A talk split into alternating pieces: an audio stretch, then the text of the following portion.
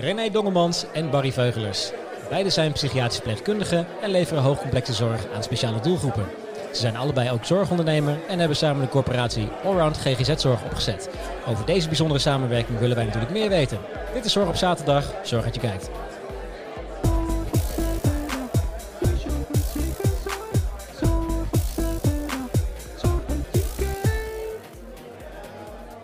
Zo mannen, welkom. Ja, dankjewel. Nu mogen we praten. Ja, eindelijk. ja, precies. Nee, welkom. Het is eh, voor ons ook de eerste keer dat wij, eh, of dat ik eigenlijk twee mensen tegelijk heb. Dus eh, ik ben ook benieuwd hoe dit zal gaan. Maar goed, ik denk dat het wel goed moet komen. Dus, ja, vast wel toch? Ja, precies. Hey, jullie samenwerking, hoe is dit, hoe is dit ontstaan? Ja, dat begint dus, even kijken hoor. Ja, we zijn via een nou, wij zijn het later pas samengekomen, denk ik. Uh, ik was uh, voor een. Uh, eigenlijk ben ik privé verhuisd richting vanaf het westen naar het noorden. Ja. En zo eigenlijk op werk zoeken, eigenlijk naar werk en klussen geweest in het noorden. Toen kwam ik een opdracht tegen voor Groningen. Dat heb ik opgepakt. was een beetje een vreemde opdracht. Wij, de, de, de, opdrachtgever is daar weggegaan. Wij zijn teruggekomen als, of zijn eigenlijk blijven haken als groep verpleegkundigen. Ja. Die heel graag die die opdracht uh, toch wel uh, met fatsoen uh, wilde afronden. daar ben ik René tegengekomen. beide hadden wij al het idee om, om iets voor onszelf te beginnen. Ja.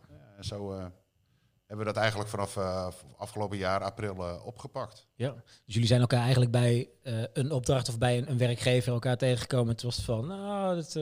Ja, de, de, het idee voor een coöperatie, daar, daar liep ik zelf al een tijd mee rond. Ja. En, ik heb een tijd in het Westen gewerkt, ook als, als zelfstandig verpleegkundige daar iemand tegengekomen waarmee ik dat plan had ontwikkeld. En uh, nou ja, sorry, om redenen ging dat niet door. Ja. Uh, in het westen niet, maar in het noorden zag ik dus wel kansen. En uh, nou ja, Barry dus ontmoet. En dat klikte. Ja. nou ja, zo het gesprek aangegaan van wat dacht je ervan om, om samen te gaan. Ja. Dat hebben we gedaan en eigenlijk hadden we al eerder een opdracht als dat we een coöperatie waren. Dus dat, ging vrij voortvarend. Ja, precies. Hey, en want, want jullie vakgebied, uh, jij bent echt uh, psychiatrisch verpleegkundige. Ja. En uh, jij zei net al gewoon eigenlijk HBO-verpleegkundige, maar dan wel meerdere gebieden waarin je actief bent. Hè? want want hoe zijn jullie eigenlijk, ja, laten we bij jou beginnen, René. hoe, hoe ben jij überhaupt eigenlijk in de, in de zorg beland? Jeetje, dat is een goede vraag. Nou ja, er was ooit een jongetje en die, ja, die wist niet wat hij worden wilde. En dat, dat ik nog heel veel zie bij de jeugd trouwens. Ja. Um, Ehm, mijn vader zat in de bouw. Dat, uh, dat vond hij geen goed idee dat ik dat ging doen. En uh, nou ja, eigenlijk was het gewoon uh, het wegstrepen van. Heel veel dingen wilde ik niet. Ja. Op een gegeven moment had ik een vriendenclubje, die zelf, waren een aantal van de zorg zaten. Die zeiden, joh, dat, dat lijkt me wat voor jou. Dus ik ben me wat gaan oriënteren. En toen had je grofweg nog de, de A-verpleegkundige, dat, of verpleegkunde. Dat was het, het, het gewone somatische ziekenhuis. Je had de B-verpleegkundige, dat was een psychiatrisch verpleegkundige. Je had de Z, voor de, toen de tijd heette dat zwakzinnige zorg. Ja. Nou, en uh, die heb ik alle drie wat onderzocht. En, en die psychiatrie die sprong er met kop en schouders bovenuit, wat mij betreft. Ja. En toen had je nog de, de, de ouderwetse B, in-service opleiding zoals het heet. Dus dan ging je uh, in opleiding bij een bestaand psychiatrisch ziekenhuis. Dat is, dat is werken en leren volgens mij, hè? Dat, werken en uh, leren, ja, ja, precies. Ja. Dat was een opleiding van kleine vier jaar. Toen de tijd met baangarantie, dat zal nu weer zo zijn, denk ik, gezien de tekorten. En, uh, ja, zo is dat gegaan. En dat was toen de tijd een, een MBO-opleiding, maar wel heel erg specifiek gericht op psychiatrie. Ja. Dus vandaar mijn titel psychiatrisch verpleegkundige. Ja, precies. Het is toch wel echt die specifieke doelgroep ja. inderdaad. Ja. Ja, ja, ja. ja, en Barry, hoe is dat bij jou uh, ja, ontstaan? Uh, mijn aanleg ligt ook ergens in mijn jeugd, denk ik. mijn vader had één à twee kapsalons. korte tijd tweede. Uh, ik heb daar van mijn tiende tot mijn vijftiende anderhalve dag in de week gewerkt. Ja. Uh, daar ligt mijn aanleg wel voor het werken met mensen. Daarna altijd in detailhandel gewerkt. Uh, totdat ik het, het, het, het, de leegte een beetje van detailhandel zat was. Het jagen op omzet. Vandaag was het fantastisch, volgende week moet het weer beter. Ja. toen ben ik door omstandigheden in de bijstand geraakt. heb ik me om laten scholen. En toen dacht ik, ja, wat is nou de lijn van mijn leven? Ik moet iets met mensen gaan doen. Ja. Uh, ik heb een SPB 4 gedaan in een korte tijd. En uh, kwam er eigenlijk toen achter dat ik graag psychiatrie in wilde. Ja. Uh, heb getracht te vinden naar een stageplek. En ben daar ook beland. En, en daar zeiden ze, goh, je bent echt een, zorg, zorgmens in de dop. eh, ga de verpleegkundeopleiding doen. Ik heb toen de B-opleiding gedaan. En naderhand de algemene eh, HBO dan, zeg maar, met eh, eh, eh, GGZ-specialisatie. En eh, op dit moment bezig eh, met eh, de HIC-opleiding, eh, HBO-plus-opleiding is dat in Dus- Utrecht. dus, eh, high, high intensive care is dat. High intensive care opleiding. Ja. Ja, ik ben op de hoogte. Ja, ja. ja, maar dus eigenlijk pas in, in, een- in een tweede fase bij jou, toen kwam je een beetje tot de conclusie van, nu zit ik echt in het, in het goede gebied waar ik nog lange tijd in actief op Ja, ik zal die momenten, dat klinkt raar, heel romantisch, maar ik zal het moment niet vergeten. Als een vis in het water. Ja, echt. ja, mooie, zachte mensen met gevoel voor dingen. En Ja. Ja, daarvoor had ik eh, onder andere ook gevaren en in de bouw gewerkt. Ja. Eh, ja, het is toch een ander slag eh, werk en een ander slag volk. ja, precies. Je bent wel echt wel wat uit een wat, wat ruigere omgeving dan de, wat, ja, de wat, wat rustigere zorgkant op. Ja. Het is, eh, Ja, natuurlijk ook wel een hele- crisisopnameafdeling. Hè, dus, Ja. Het is natuurlijk ook wel dat een, is een, het een, een ingewikkelde sector, hè? De, de zorgsector wat dat betreft. Maar wel iets, iets kalmer en wat rustiger dan, dan als je het vergelijkt met de bouw of Ja. scheepswerk, zeg maar. Ja, ja. Hey, en en eh, ja, om gelijk maar even in het diepe te springen. Die, de, de situatie van de zorgsector zoals die nu is. Hoe, hoe, hoe kijken jullie daar tegenaan? Jeetje. Nou, je, je kan er op heel veel manieren eh, tegenaan kijken. Als je kijkt naar hoe wordt de zorg gefinancierd, dat is een heel, heel bijzonder aspect. Ehm, als je kijkt hoe de zorg is georganiseerd, dat is, dat is een volgend heel bijzonder aspect. En ook als je kijkt naar ehm, eh, de, de tekorten in de zorg, dat is een eh, enorm eh, bijzonder aspect. Ja. Ehm, dus ja, hoe kijkt het tegenaan? We- Als je, als je Europees eh, of in de wereld kijkt, dan, dan doen we het goed als Nederland. Ja. Op allerlei gebieden van zorg, blijkbaar. Ehm, maar goed, als ik, als ik kijk naar de, naar de zorg en met, met de tekorten die er zijn aan personeel, dan kan ik maar eh, uiteindelijk één ding concluderen. En dat is dat we het toch niet goed georganiseerd hebben. En dat heeft te maken met eh, eh, vooral ook eh, be- beloningsstructuur. Ja. En beloning wil ik niet gelijk verwarren of gelijkstellen aan geld, maar beloning in de ruime zin des woords. En ik denk dat er in de, in de, binnen de zorg, en dan heb ik het niet, zeker niet alleen over psychiatrie, maar ook in de, in de somatische zorg, algemene zorg, dat, dat veel mensen teleurgesteld raken in hun werk of werkgever. Ja. En daardoor afhaken. En als je het over zorg hebt, dat baart mij wel zorgen. Ja. Ja, dat eh, kan ik me wel voorstellen inderdaad. eh, ja. En dan heb je nog, eh, wat ik net al zei, de, de, de, de, de enorm ingewikkelde financieringsmethodiek die wij hier in Nederland erop los hebben gelaten. Dat, het, het, het decentraliseren en het overgaan in, in, in ziektekostenverzekeraars die, die, die blijken miljoenen, miljarden op de plank te hebben liggen en, en toch maar proberen af te knijpen om de zorg te betalen en in stand te houden. Dus Ja. het, het, het, het is aan de ene kant ver van mijn bed, want ik ga daar niet over. En aan de andere kant ja, komt het soms best wel heel dichtbij. Ja, ja, Want wij hebben er natuurlijk direct mee te maken. exact. Ja.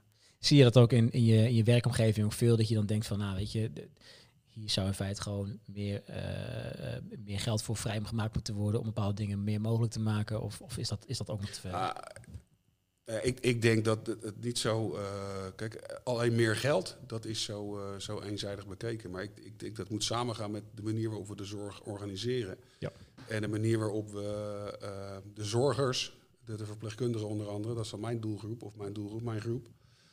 ehm, hoe we die de kansen bieden en hoe we die eh, waarderen binnen ons beroep. Ja. Eh, en dan heb ik het echt niet alleen over de beloning. Ook zeker over de beloning, want dat kan echt veel beter. En dat moet ook beter. Maar ook over de kansen die geboden worden. Ja. Hè, Wat, wat, wat doe je met opleiding? Wat doe je met perspectief? Ja. Eh, wat doe je met doorgroeien? Ik denk dat daar nog heel veel kansen liggen. En als je, als je, ik ben ervan overtuigd, als we de zorg in stand willen houden en de tekorten willen aanzuiveren of voorkomen dat er nog grotere tekorten komen, dat we het echt in die hoek moeten gaan zoeken. En dat is echt een ding van, van eh, ja, de werkgevers. ja, precies. Ja. Is dat ook eh, hoe jij erover denkt, eh, Barry, voor een deel? Nou, ik sluit me daar wel bij aan. Eh, het Ja. Vooral merk denk ik dat de, de, de oud geregelde zorg een heel traag en dik slijmerig systeem was. En, en dat ze nu een, een stukje commercie willen waar ze compleet nog niet klaar voor zijn. Ja. En ik denk dat daar eh, heel erg eh, ja, markt ligt. En da- da- da- da- daar schiet het nu ook een hoop op in, op marktwerking. En ik denk dat dat ook wel weer gaat doorslaan. Het is, het is, het is, het is, het is heel moeilijk denk ik, om daar de balans in te vinden in het systeem zoals we dat nu hebben. Ja. Eh, ja, wij, wij, wij trachten daar op een normalere manier zeg maar, tussen te staan. Minder gelaagdheid. kleinere bedrijfjes, meer coöperatie-achtig. En, en niet, ja, nou ja, wat, wat ik eerder ook al een keer heb gegeven. eh, die gelaagdheid, eh, weet je, hier een manager, daar een manager, daar. Het, het, is, het, is, het is zo verknipt. Nou ja, ik denk dat dat al een, al een juist woord is eigenlijk. Ja. En dat is zorgelijk. Ja, en tegelijkertijd is het eh, eigenlijk best wel gek dat de zorgsector eigenlijk ook best wel een, eh, een heel commercieel gebied Ja. is eigenlijk. Hè? Sterker nog, het is echt extreem commercieel op dit, dit moment. Als je kijkt naar eh, hoe, personeel, hoe om wordt gegaan met personeelstekorten. Hè? En dan als je nog het andere stukje, het, het farmaceutische stukje hebt natuurlijk, maar het stukje personele inzet, dat is, we hadden het net hiervoor al heel kort even over het stukje hoe bepaalde tussenbureaus en detacheringsbureaus werken. Hè? Ja, dat, dat, Precies. eh, dat gaat er hard aan toe wat dat betreft. Ja, nou ja. Vandaar ook ons initiatief tot, tot coöperatie. Eh, het is een van de, van de motieven. Ja. Gewoon om te zeggen van ja, weet je, wij vinden, wij, de, de leden van onze coöperatie, die vinden dat wij recht hebben op een goede beloning. En daar, eh, daar gaan we ook voor. Ja. Maar wel in het normale. En als er voor ons per uur 10 of 20 euro meer moet worden betaald, omdat er één of meerdere tussenbureaus tussen zitten. Ja, dat, dat, dat gaat ons als zorgverlener wel aan het hart. Want wij weten waar dat geld beter besteed kan worden. Dat is Ja. gewoon aan de zorg. Ja, precies. Dus eh, nou ja, alleen al op die manier proberen wij ons standje bij te dragen. Dat, dat, dat zorggeld ook echt bij de mensen komen die het verdienen. Ja, want even voor mijn beeldvorming, hoe, eh, hoe is jullie, jullie corporatie georganiseerd en hoe gaat het precies in zijn werk? Ja, ik. Oh ja. nou ja, nee, ehm, wij hebben een coöperatie eigenlijk niet meer dan een vereniging. Ja. Dus eh, wij, wij, Barry en ik, besturen een vereniging. En die vereniging bestaat uit leden. En die leden, dat zijn op dit moment allemaal verpleegkundigen. Eh, allemaal binnen de GGZ of binnen de psychiatrie. Ehm, ook specifiek nu gericht op de HIC's, dus High Intensive Care. Wij eh, doen een acquisitie. Dus wij eh, zoeken een klant op. Eh, tot op heden melden de klanten zich bij ons, maar... en dan komt een klant en dan eh, gaat het over van... ja, wat heeft de klant nodig? Eh, kunnen wij dat bieden? Eh, willen wij dat bieden? En, en voor welk tarief? En dan merken we tot op heden dat wij, dat wij een, uiteraard een gunstige prijs hebben. Want wij, wij hebben die, die tussenlaag niet. Of in ieder geval minder. Tuurlijk romen wij wat af naar de coöperatie. Maar daar zijn we ook naar de leden toe heel transparant over. Daar, dat gebruiken we uiteraard voor de kosten die je hebt. Maar los daarvan, eh, wij moeten ook zorgen dat we up-to-date blijven qua scholing. En eh, dat proberen we daaruit te betalen. Ja. En eh, nou ja, de leden die we nu hebben, die, die juichen dat toe. En eh, op die manier gaan we te werk. En, en jullie leden zijn dat eh, ook zorgprofessionals? Zijn het ook gewoon mensen die jullie vaste dienst hebben? Of is het echt Nee, alleen, nee, nee, nee. alleen, alleen echt ZZP'ers die namens jullie eh, corporatie Ja. werken? En eh, voor de goede orde, we zijn, nog, we zijn echt nog net, net begonnen en nog klein. Hè. We hebben rondom tien leden, alles bij elkaar met ons erbij. Maar goed, dat kan zomaar hard gaan groeien. Er zit nog wat in de, zeggen, in de het, eh, pijplijn. Dus, ja. eh, Nou ja, en, en, en tien leden is, is nog steeds is ook al wat, hè? Het is groeiend, eh, ja. Ja. Het is, ja. Je zei net, voorheen kwamen de organisaties naar jullie toe. Nu is het andersom. Hoe, waar, hoe is nee hoor, niet zozeer andersom. Maar toen wij begonnen had ik geval het idee van... nou moeten we echt op zoek naar klanten. Oh, zo. En voordat ik het, voordat het wist, ja, we hadden er wel een beetje op geanticipeerd. Maar dan kwam de klant naar ons toe. Zo van, wat Barry net al aangaf, willen jullie hier niet blijven voor een langere tijd? Ja. Die klus hebben wij als eerste klus van de coöperatie eh, opgepikt. Nou ja, dat is net afgerond en nu dient zich weer de oude klant aan en weer een volgende klant. Nou ja, dat zijn best eh, eh, potentieel grote opdrachten. Ja. Dus dan... Jullie komen personeel tekort eigenlijk. nou ja, weet je, dat is het grappige. Dat zeggen we wel eens tegen elkaar. In het begin denk je van, nou ja, waar haal je de klant vandaan? Hoe werkt dat precies? Is voor ons natuurlijk hele vreemde materie. Wij zijn, wij zijn verpleegkundigen, wij zijn geen zakenmensen. En voordat je het weet, denk je bij jezelf van, ja, wacht eens even. Nou hebben we straks wel een opdracht, maar hoe komen, hoe komen we wat personeel? hoe komen we aan de leden? Nou, tot op heden gaat dat prima. Ja. Maar dat, dat, zijn, eh, ja, dat zijn andere kanten. En dat is op zich best een leuke uitdaging hoor. Ja, ik wou net zeggen. Ik, ik, eh, eh, eh, ik, ik zit al een tijdje in de, in de zorgsector. En nou, wat me is opgevallen is dat het diensten en dergelijke, daar is de wereld aan. Alleen het andere kantje, het stukje personeel, daar is het eh, nogal Precies. beperkt. Maar qua, qua diensten en opdrachten, nou ja, als je eh, verpleegkundige en zelfstandige bent of verpleegkundige en je zoekt werk, je hoeft je vinger maar op te steken. En eh, er springen twi- twintig organisaties bovenop je, zeg maar. Van, kom maar bij ons werken, want wij hebben ontzettende tekorten. Dus, Ja, ja klopt. Het, het, het jammer is dat blijkbaar heel veel organisaties het nodig vinden om naar zo'n tussenpersoon te gaan. En te roepen, doe jij het maar voor mij. Daar zal een reden voor zijn, anders doen ze die organisaties Ja, dat het niet. is ook een beetje de bekende weg, hè? Van, eh, van nou, we gaan bij hun, want hun doen... eh, Laat het zo werk. zeggen, we doen het zo omdat we het altijd al zo gedaan Ja. hebben. En, eh, en, en het misschien een beetje spannend is en een risico met zich meebrengt om dan een, een andere richting te kiezen of een andere partij te kiezen of zo. Ja. Nou ja, goed, wij zijn er dus op, op onze bescheiden manier hard aan, mee aan het werk om, om klanten te overtuigen dat ze net zo goed rechtstreeks naar ons toe kunnen Ja. komen. Ja, en het voordeel is natuurlijk ook dat jullie allebei zelf eh, in het vakgebied zitten en de mensen kennen, weten hoe het werk georganiseerd is, weten hoe sommige dingen beter kunnen. Sterker nog, wij, wij voeren de opdracht mede gewoon uit. Ja, Want, eh, we- we zijn wel de, de, de eh, bestuursleden, maar we zijn vooral verpleegkundigen en we, we doen elke dag ook dat werk gewoon. Ja. We proberen het alleen voor onszelf en door onszelf te organiseren. Ja. Ja, maar dat maakt het wel mooi, hè? Dat je Ja. ook eh, zelf er onderdeel van bent. En eh, dat, dat, dat zorgt er ook voor dat je vertrouwen creëert naar de organisatie toe, hè? Die jullie eh, inhuren en de mensen jullie die jullie inhuren, Ja. zeg maar. Dus, Ja. eh, Ja, Ja. Je bent er zelf bij. Dus je kwaliteit het, vind ik heel erg belangrijk. En dat, dat kan je dan goed controleren en, en gewaardeerd houden. En, Ja. misschien kun je de microfoon beter even een klein stukje oké. schuiner voor je... Ja. precies, een klein beetje bijdraaien en dan, dan, dan blijf je erin.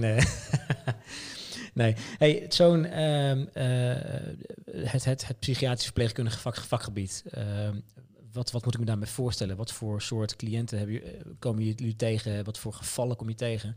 Wat zijn dingen waar je zegt... Wauw, dat eh, had ik misschien vooraf ook niet durven verwachten dat ik dat tegen zou komen. Zo'n veel vragen in één keer. denk ik van de afgelopen jaren is verwarde mensen. ja. En dat, zijn, dat zijn overwegend de mensen waarbij we op, om, omgaan, waarmee we optrekken, die we begeleiden. Eh, over het algemeen werken wij op, eh, op, op crisisunits, op opnameafdelingen, eh, in crisissituaties of in, eh, op, op een hikafdelingen. En daar wordt de verwarde mens binnengebracht. En daar, eh, dan beginnen wij met contact maken en, eh, en, en mensen vertrouwen geven dat er herstel voor de deur staat. En, eh, ja. En mensen die opgenomen worden, zijn dat mensen die, eh, laten we zeggen, in een psychose beland gaan zijn of eh, een delier hebben of iets dergelijks? Of, Ja. Psychose, manisch psychotisch, eh, depressies, suicidaliteit. Dat zijn meestal wel, in, eh, de, in de extremere vorm. Hè. Het gaat Ja. over onveiligheid. Het gaat over mensen die nou ja, ontoerekeningsvatbaar is een groot woord, maar eh, op dat Ja. moment niet voor zichzelf kunnen instaan of voor de omgeving. ja. Ja, met name denk ik dat, dat eh, als je kijkt naar de, de HIC's waar we het over hebben, dan, dan is 90% van de cliënten die we opnemen, die, die worden gedwongen opgenomen. Nou, dat zegt natuurlijk wel wat. Ja. In Nederland gebeurt dat niet zo snel. Nee. Eh, dus er moet er echt wel wat aan de hand zijn. En eh, nou ja, dat, dat, dat noemen we dan de crisis. En zoals Barry al zegt, dat, op het moment dat mensen bij ons binnenkomen, is, is, is eigenlijk de start van het herstel. Ja. Is eigenlijk het, het, het, eh, de chaos uit de crisis halen en, en, Hoe wordt, wordt zo iemand eigenlijk eh, opgenomen? Is dat, wordt iemand met een ambulance opgehaald eh, bij, iemand, bij diegene thuis of zo? En worden ze dan eh, bij de crisisafdeling af, afgeleverd? Dat kan, van, of- dat kan een manier zijn. dat kan via de huis, iemand meldt zich bij de huisarts, me niet goed, of familie meldt zich bij de huisarts. Ja. Maar iemand kan ook op straat, hè, de, de verwarde persoon, wat net al genoemd werd, door, Ja. door, door politie of, of burgers gezien worden. Het kan op zoveel verschillende manieren tot stand komen. Ja. Tegenwoordig is het wel heel mooi. Want we hebben dat nog echt niet lang geleden praat over, over, over. Het gebeurt nog in de landen. Als mensen verward over straat liepen, dat, dat, dat ze opgepakt werden door de politie. En in een eh, cel belanden daar moesten wachten op een, op een beoordeling van de crisisdienst, van de GGZ. Eh, en dan mogelijk eh, zodanig in de war worden verklaard dat ze gedwongen opgenomen moeten worden. En, en dat heeft vaak met een gevaarscriterium te maken. Gevaar voor zichzelf, gevaar voor anderen of allebei. Ehm, maar dat kon wel eens zo zijn dat iemand een dag of twee dagen eh, dan in een celletje zat. En tegenwoordig, eh, en dan met de politiewagen richting eh, de GGZ werd gebracht. Ja. Nu hebben we, ja, in sommige plekken wordt het first responders genoemd, sommige plekken psycholances. Dat is een mooi woord, helaas heel stigmatiserend, maar goed, dat, dat is weer een ander aspect. Maar dat, dat betekent dat mensen niet of minder lang in een politiecel bela- belanden en ook eerder gewoon aan de zorgkant terechtkomen en ook eh, getransporteerd worden met een nou ja, zachte zorg in een psycholans. Dus een Ja. hele, eh, hele verbetering. Wo- Wordt dat, is dat, eh, eh, laten we zeggen, die, die eerste periode wanneer iemand opgenomen wordt of, of zichzelf aanmeldt, is die eerste periode, is die echt extreem belangrijk bij wijze van? Kunnen we dat zo zien? Dat, Je zegt dat het als iemand als verward persoon opgepakt wordt eh, en die moet misschien twee dagen in een cel zitten voordat hij eindelijk eh, beoordeeld is en wordt er daarna opgenomen. Is er dan in die twee dagen tijd dat iemand opgesloten zit, richt dat dan echt heel veel schade aan al? Of Ja. Ja. Wij hebben het zelfs binnen ons vak, uh, daar weet Barry ook alles van, over de eerste vijf minuten. En dan heb je het over het contact maken. Dat is al een studie op zich geweest. Hoe doe je dat op een zodanige manier dat je de meeste kans hebt op contact, op vertrouwen? Want van daaruit, dat is eigenlijk de basis waar je je hele behandeling op stoelt. Ja. je kan je voorstellen als iemand toch gedwongen binnengekomen wordt, dat je geen beste start hebt. Want je wordt, je wordt, diegene wordt veroordeeld tot elkaar. Nou ja, als je dan al snel in de samenwerking kan raken, zoals wij dat graag noemen, dan heb je al heel veel gewonnen. Ja. Dat is wel. Uh, wat betreft uh, je, eigen, je eigen persoonlijke uh, veiligheid, zeg maar. Want mensen die verward binnenkomen, mensen die weet, misschien ook wel agressief zijn als ze binnenkomen en dergelijke. Hoe, hoe is dat georganiseerd voor jullie? En, en in wat voor mate liep je of loop je risico? Want jullie zijn natuurlijk al behoorlijk ervaren, dus jullie kan de situatie waarschijnlijk wel goed inschatten. Tegelijkertijd zullen er ook ongetwijfeld situaties zijn dat je denkt, wow, oké, dit zag ik ook niet aankomen. Hoe, hoe, hoe gaat dat voor jullie? Ja, ik denk dat dat heel veel te maken heeft met een stukje ervaring, een ja. stukje mensenkennis, een stukje empathie, een stukje invoelen. Uh, ja, veiligheid is een groot goed. Uh, het heeft heel veel met je houding te maken, met ja, de manier waarop je met mensen omgaat. En als dat respectvol gaat en je luistert en, en je legt goed goed, goed, goed uit. Je, weet je, je moet proberen aan te sluiten. We hebben het wel eens over mensen worden opgenomen. Ik zeg altijd, nemen, je moet mensen niet opnemen, je moet ze opnemen.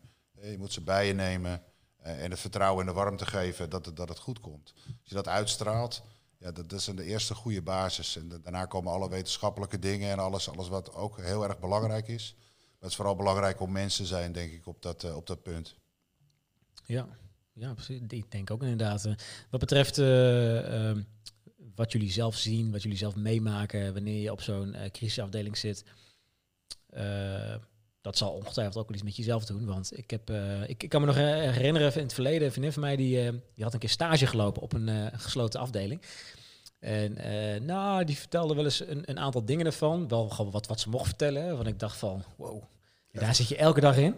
Ik van, nou, dat, ik weet niet of ik dat zou volhouden, weet je wel. Maar, dat, maar hoe, hoe gaan jullie met dat soort dingen voor jezelf om? En, en nou ja, wat, wat Barry net, wat Barry net al zegt, je probeert het zo goed mogelijk in te schatten en je, en, en je voorzorgsmaatregelen te nemen. Uh, omdat veiligheid niet voor niks een groot goed is bij ons. Ja. Uh, maar dan nog zijn er excessen en uh, extreme gevallen, om bijvoorbeeld te noemen. Ik ben pas nog hier bij Groningen bij de rechtbank geweest, omdat er iemand voor de rechter kwam. Omdat onder andere ik had aangifte gedaan. Ja. want die had mij geprobeerd te, te verweuren. Dus ja, het, je kan nog zo goed alles proberen te voorkomen. Maar dat er blijven, blijven uh, onverwachte en gevaarlijke dingen. Ja. Uh, en daar probeer je van te leren. En daar probeer je het elkaar over te hebben. En dan probeer je een volgende keer te voorkomen. Maar het blijft een, een, een, zeker op zo'n soort afdeling een risicovol vak. Ja. Ja. En, dat, en, en dat moet je gewoon bewust blijven. En niet ver weglopen. Het moet, je moet het juist aangaan. En uh, wat ik heel belangrijk vind, is met elkaar, met je collega's, maar vooral ook met de cliënt, blijven levelen van nou, oké, waar staan we? En in hoeverre kunnen wij het met elkaar vinden? En in hoeverre, in hoeverre kan ik jou vertrouwen? In hoeverre zijn we veilig bij elkaar? Ja. want, vaak zie je toch dat agressie uh, bij de, vanuit de cliënt voortkomt uit een gevoel van onveiligheid. Jegens de verpleegkundige. Dus daar hebben wij ook wat in te doen. Hè, waarmee ik niet wil zeggen van als een verpleegkundige uh, agressief wordt benaderd, dan is het per definitie de schuld van de verpleegkundige. Dat is de omgekeerde wereld. Ja. Maar het is wel heel goed om je er bewust van te zijn van wat doe ik in die situatie en wat zou ik een volgende keer anders kunnen. Ja. En dat scheelt natuurlijk omdat het mensenwerk is per situatie, per individu. En ja. dat, is, dat is de, vind ik ook de uitdaging en de kunst. Dus dat levelen, wat je eigenlijk de hele tijd doet, is een beetje uh, is gewoon een soort van de verwachtingen van beide kanten managen, zodat je weet wat elk van elkaar kan verwachten. Precies. Blijven uitvragen aan die, aan die ander. Ja. Wat heb jij nodig? Hoe voel je? Hoe gaat het met jou? Ben ik veilig bij jou? Ja. Voel jij je veilig bij mij? Ja. Als het niet zo is, wat is er dan voor nodig om het wel voor elkaar te krijgen? Ja. Kan, je dat, kan je daar wat over vertellen? Lukt dat niet? Zal ik, het, zal ik eens raden? Ja. Nou ja zo, zo kan, je, kan je daar wel eens van voorstellen wat voor soort gesprekken je dan krijgt. En het zijn hele mooie gesprekken vaak hoor. Ja, het, ik denk ook inderdaad. Uh, Zo'n situatie als dat je dan, wat je net vertelde, hè, dat je uh, nou, bijna, bijna verwurgd werd door een, door een cliënt, zeg maar is dat, zijn dat soort dingen vaker gebeurd en blijven dat soort dingen jou lang bij? Of is het meer van als je ja, vanwege je ervaring dat je het makkelijk van je af kan zetten of makkelijk af kan schudden? Nee, het was mij, het, dit was toch nog toe de eerste keer. Ik ben er van plan zo te houden. Ja. Uh, Ja, en, en het, nee, dat blijft niet zo lang bij me. Maar dat, dat is echt een persoonlijk dingetje. Ik heb volgens mij, waar, waar andere mensen daar een knoppeltje voor hebben, heb ik een kuiltje. dat blijft gewoon niet hangen eh, op de een of andere manier. En, en, eh, en, en dat komt, ik heb er ook niet last van, eh, tot op heden. Eh, en dat noem ik maar mijn geluk. Eh, want ik kan me heel goed voorstellen, ik vind het ook heel legitiem dat mensen er uiteindelijk wel veel last van kunnen krijgen. En dat gebeurt ook, dat zien we ook om ons heen. Eh, maar ik de mazzel dat het niet zo is. En ik, ik praat er ook makkelijk over, dat scheelt ook een stuk. Ja, ja want dat, dat is natuurlijk ook een belangrijk ding. Hè? Kijk, een eh, paar weken terug toen hadden we John Schuurman. Dat is, een, is misschien voor jullie ook wel leuk om die terug te zien. Dat was een, een, die is ambulanceverpleegkundige en ambulancechauffeur geweest. En die, die vertelde ook een heleboel. En die zei op een gegeven moment ook van, ja, weet je... eh, het belangrijkste is, je moet erover blijven praten en, en die ervaringen delen. Want als je het allemaal binnen blijft houden, dan gaat het zeg maar opstapelen en opstapelen en absoluut. opstapelen. Tot op een gegeven moment gewoon barst. En dan, eh, ja, dan zit je in een hele andere situatie natuurlijk. Dus, Ja, eh, dan ben je, dan, dan ben je eigenlijk dan ben je gewoon te laat. Ja. Dus je daar maar eens bovenop te komen. Ja, ja, precies. Is dat voor jou ook eh, wel eens voorgekomen, Barry, dat je zo'n situatie tegen bent gekomen, of in zo'n situatie terecht bent gekomen? Of, Ja. eh, Eh, twee, twee jaar geleden heb ik eh, in, een, eh, in een situatie een mes en een vork in mijn rug ge- gestoken Zo. gekregen. Eh, niet heel diep, maar de situatie op zich was wel... eh, ik ga een, eh, die meneer wilde mij gewoon vermoorden, dat zei hij ook. En daar ging er ook vol voor. Dus dat is wel een aangrijpende situatie geweest die ik wel een tijdje bij me heb gehad. ja. Zeker de eerste dagen. Ja, wat, wat, net op de sprake is. Veel praten, veel praten. Ben de volgende dag ook gelijk aan het werk gegaan. Met collega's erover praten. Hè. Niet vol, vol in het werk, maar wel aanwezig zijn. Eh, er veel over hebben, veel delen. Bij mij blijft het over het algemeen ook niet heel erg hangen. Eh, ik kan het goed, van, goed loslaten, goed daar laten waar het hoort. Eh, nou ja, nu word je zelf aangevallen, weet je, dan ga je toch naar huis, heb je vrouw, kinderen en, en, en voel je je kwetsbaar. En, eh, en nou ja, ook wel wel scherp, niet angstig, maar wel scherp. Ik merkte een hoge alertheid. Je gaat toch wat dingen zien. Voorheen was een potlood een potlood, nou was die potlood ook wel een vorm waarmee je kon steken. Je gaat even anders, anders in, het, in, het, in het leven staan. Ja. Tegelijkertijd, je zit ook in het werk. Weet je, als je dit op hoog niveau doet en je doet het een langere tijd, ja, dan moet je cognitief ook wel knap in elkaar zitten uh, om dit een langere tijd ook vol te houden en er ook voor mensen te kunnen zijn. Uh, maar het is wel heel, heel mooi wat jij zegt hè, over, de, over dat potlood. Want wat er dus gebeurt is dat je uit een relatief evenwicht, zoals we altijd werken en ons ja. voelen in ons werk, uh, schiet je naar een enorme alertheid die overtrokken is, maar dat gewoon een, een, een reactie is op trauma. Ja. En uh, wat dan mooi is als het, als het degene die het betreft lukt, om als dat weer, want eh, op enig moment als het goed is, neemt die alertheid ook weer af. En als je daar nou de dingen uit kan pikken die je voor de rest weer, als je weer in je, in je, in je evenwicht komt, jou net even weer scherper maken, in, in evenwicht erin, in, in, hoe zeg je dat, in, in, je, in je harmonieuze toestand. Ja. Dan neem je er ook nog, nog positieve dingen van mee. Ja, precies. En, en, en de eerste keer is daar niet meer stil. Maar als je dat maar vaak genoeg, maar een paar keer meemaakt, dan ga je dat bedenken. En dan weet je ook van, zit je hoog in je alertheid en dan zit je nog vol adrenaline. Van, ik ga je ook, ondanks alles, ga ik er ook iets positiefs aan overhouden. Ja. Ja, en dat, is, dat is voor mij een uh, prettig delen, uitgangspunt. Ja. Zou je zeggen dat je voor dit soort werk uh, ook een bepaald soort type persoon moet zijn? Of op, op, een bepaalde manier in elkaar moet steken om hier goed mee om te kunnen gaan? Of is het meer gewoon van, als het je overkomt, of als je ermee omgaat, delen, delen en nog eens delen? Ik weet niet of het heel algemeen is of voor iedere uh, psychiatrische verpleegkundige geldt. Wat ik, wat ik in alle tijd heb gemerkt is dat heel veel uh, ergens wel een bepaalde achtergrond hebben. In familie, in vrienden, in ouders, broers, zusters. Om een bepaalde dingen te hebben meegemaakt, om ook een bepaalde empathie aan te, aan te hebben gemaakt, zeg maar. Om, om hier ook oog voor te hebben. Ja. Ik weet niet of dat voor iedereen geldt, maar ik denk dat wel een bepaalde aanleg. Uh, nou, laat ik het vooral bij mezelf houden dan maak je aanleg voor en, en, liefde voor mensen met een probleem, voor moeilijke mensen. Ja. ja dan ga je er anders naar kijken. En, uh, uh, ik, ik, gooi zo'n 80% denk ik dat uh, ja, wel begrijpt waar het leven uit bestaat voordat ze die keuze maken om, uh, om dat werk te gaan doen, zeg maar. Ja. Ja, of, te is... of, te blijven doen. Hè. Veel te blijven doen en te maken kunnen blijven jong doen. Ja. die keuze al, omdat papa of mama het werk doen. Of Ja. van nou, het, het, lijkt, het lijkt romantisch. Het vroeger de boeketreeks, hè. het is allemaal heel mooi. Uh, maar er zijn ook genoeg mensen die al snel weer uitstromen. Maar er, zijn ook, er, zijn, er is ook een aantal mensen die, dat, die daar de pensioen mee halen. En Ja. Ik geloof wel dat, uh, dat, dat die dan, ja, Ja. noem het aanleg, noem het liefde voor het vak, noem het... Uh, Maar Waarschijnlijk is het ook zo dat als je zoiets overkomt, dat het de beste manier ook gewoon is de dag erna gewoon weer eh, er terug ingaan. Want eh, hoe langer je ermee wacht waarschijnlijk, eh, zou, ik- zou ik denken tenminste, hoe langer je ermee wacht, hoe moeilijker het wordt om weer te beginnen en weer terug in die omgeving te komen. Of zien jullie dat anders? Nou, anders, ik dat ook. Hè, dus zo kan Ja. het ook. Maar het ligt natuurlijk heel erg aan het individu die het overkomt. Want het, is niet zo dat bepaalde, in een bepaalde hoek van de psychiatrie je allemaal op elkaar lijkt. Hè. We, zijn, we zijn geen robots, dus, dus die, niet, die maak je allemaal te repareren op dezelfde manier. En het hangt ook heel erg af van het trauma en, en van de impact van het trauma. Dat is, is, het trauma lichamelijk? Nou ja, dan houdt het al gauw op als je geblesseerd bent. Eh, Ja. Of zodanig eh, mentaal dat je, dat je gewoon niet durft of niet kan. Of, of eh, nou ja, totaal van slag bent.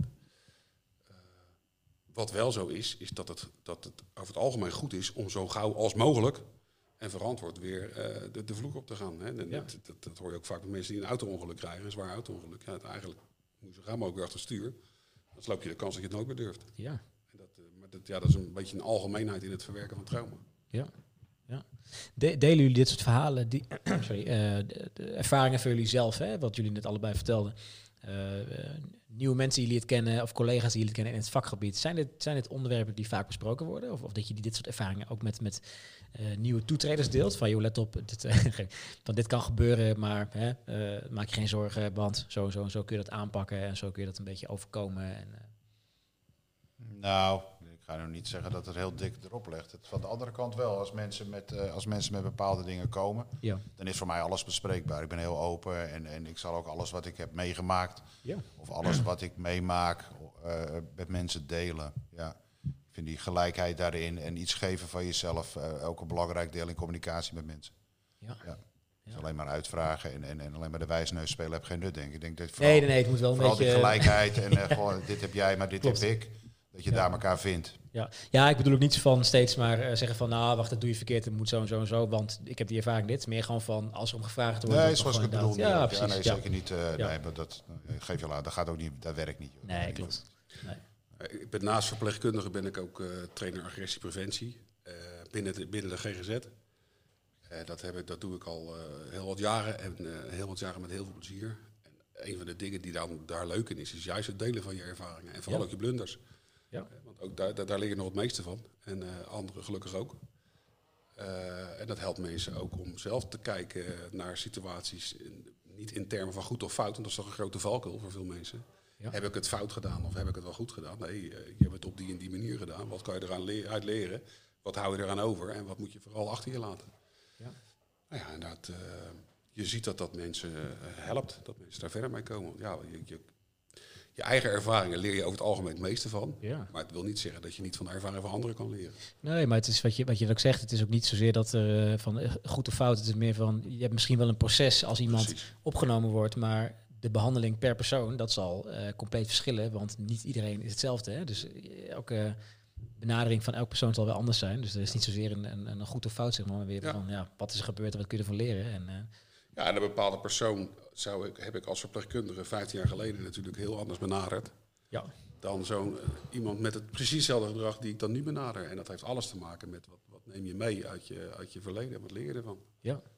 Hoe ziet zo'n... eh, kun, kun je daar misschien wat, wat over delen? Die, die- je bent trainer geweest, hè? of je bent nog steeds volgens mij. Hè? Ja. En eh, hoe ziet zo'n hoe ziet zo'n trainingstraject eruit van wat jij, wat jij geeft? Nou, de training bestaat uit verschillende aspecten. Misschien leuk om te vermelden, vroeger toen had je helemaal geen training. En dan was het als er agressie op de werkvloer was of geweld, fysiek geweld. Dan was met z'n allen erop. En dan maar hopen dat je het kon, eh, ja, dat je kon redden. Zo. Eh, en daar is langzaam maar zeker wat structuur en wat lijn in gekomen eh, voor het fysieke deel. Dat was, dat was eh, 20 jaar geleden, hip en happening. En zo langzaam maar zeker is er veel meer aandacht gekomen, gelukkig, op het voorkomen.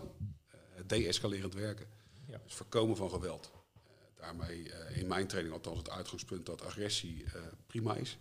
In de zin van agressie is een bepaalde levensenergie. Het is, de- het is meer de vraag van hoe wenden mensen die energie aan. En als dat gebruikt wordt om op wat voor manier dan ook iemand anders iets aan te doen, dan praten we van geweld. En dat willen we voorkomen. Maar juist wel met die gedachte dat agressie er mag zijn. Hè. Ik vind het prima dat mensen boos worden. Het gaat er alleen op op de manier waarop. En hoe Ja. ga je er verder mee om? Eh, en dat veiligheid voorop staat. Dus uh, we besteden heel veel aandacht aan het uh, herkennen van gedrag en het duiden van agressie. En daarmee onderscheiden we grofweg drie vormen van agressie. Frustratie, agressie, uh, instrumentele agressie en ziekte gerelateerd. En wat, elk, wat, is, wat is instrumentele agressie? Instrumenteel is bijvoorbeeld uh, uh, dat ik gedrag inzet, naar jou toe bijvoorbeeld, om dingen voor elkaar te krijgen. bijvoorbeeld, jij gaat nu voor mij die deur open doen, anders weet ik je wel te vinden. Oh, zo. Nou ja, dan voel je al, ondanks dat je weet dat ik het niet meen, dat dat iets met je doet. En, uh, dus dat is, dat is manipul manipulatief gedrag. Uh, wat soms kan escaleren in, in dreiging, chantage en ook echt fysiek geweld. Uh, en daarnaast, is, dat is eigenlijk een beetje de andere kant van het spectrum, frustratiegedrag. We hebben het net al over gehad, mensen die tegen hun zin worden opgenomen. Ja. Stel het je maar eens voor. Je wordt ergens neergezet, je kan er niet uit en je wil er ook niet zijn ja, dat brengt frustratie en soms is agressie, onmacht hè, uh, met zich mee.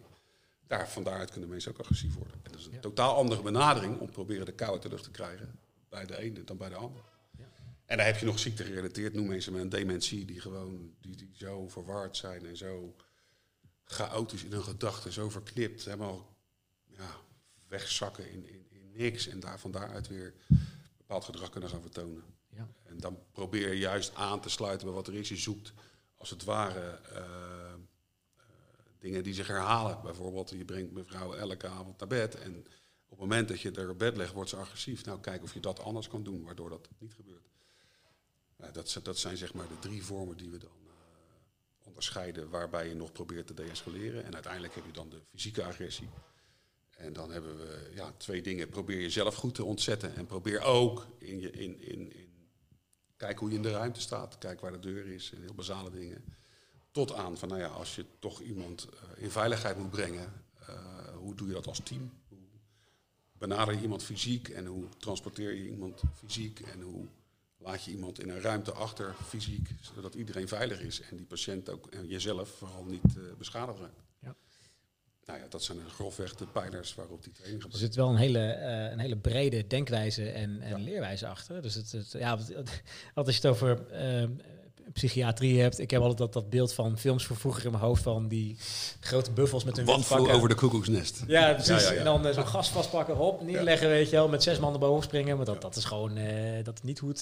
Dat, is ooit, dat is ongetwijfeld ooit wel geweest. Ja. daar, heb ik, daar hebben wij ook nog wel een snufje van meegekregen. Maar dat is gelukkig al lang verleden tijd, in Nederland althans. Ja, ja. gelukkig wel. Ja, ik, ik sprak toevallig uh, een, een, tijdje terug, uh, is ook, ook een van onze gasten geweest, Jos Cox, die had een onderzoek gedaan over, uh, of een deelonderzoek van zijn promotieonderzoek, van wat maakt dat verpleegkundigen die afgestudeerd zijn binnen twee jaar na afstuderen de zorg heeft verlaten. En daar had het ook over dat ze met allerlei nieuwe methodieken bezig zijn om meer met de cliënt mee te bewegen in plaats van dat, dat oude wetse sjorren eraan, zeg maar.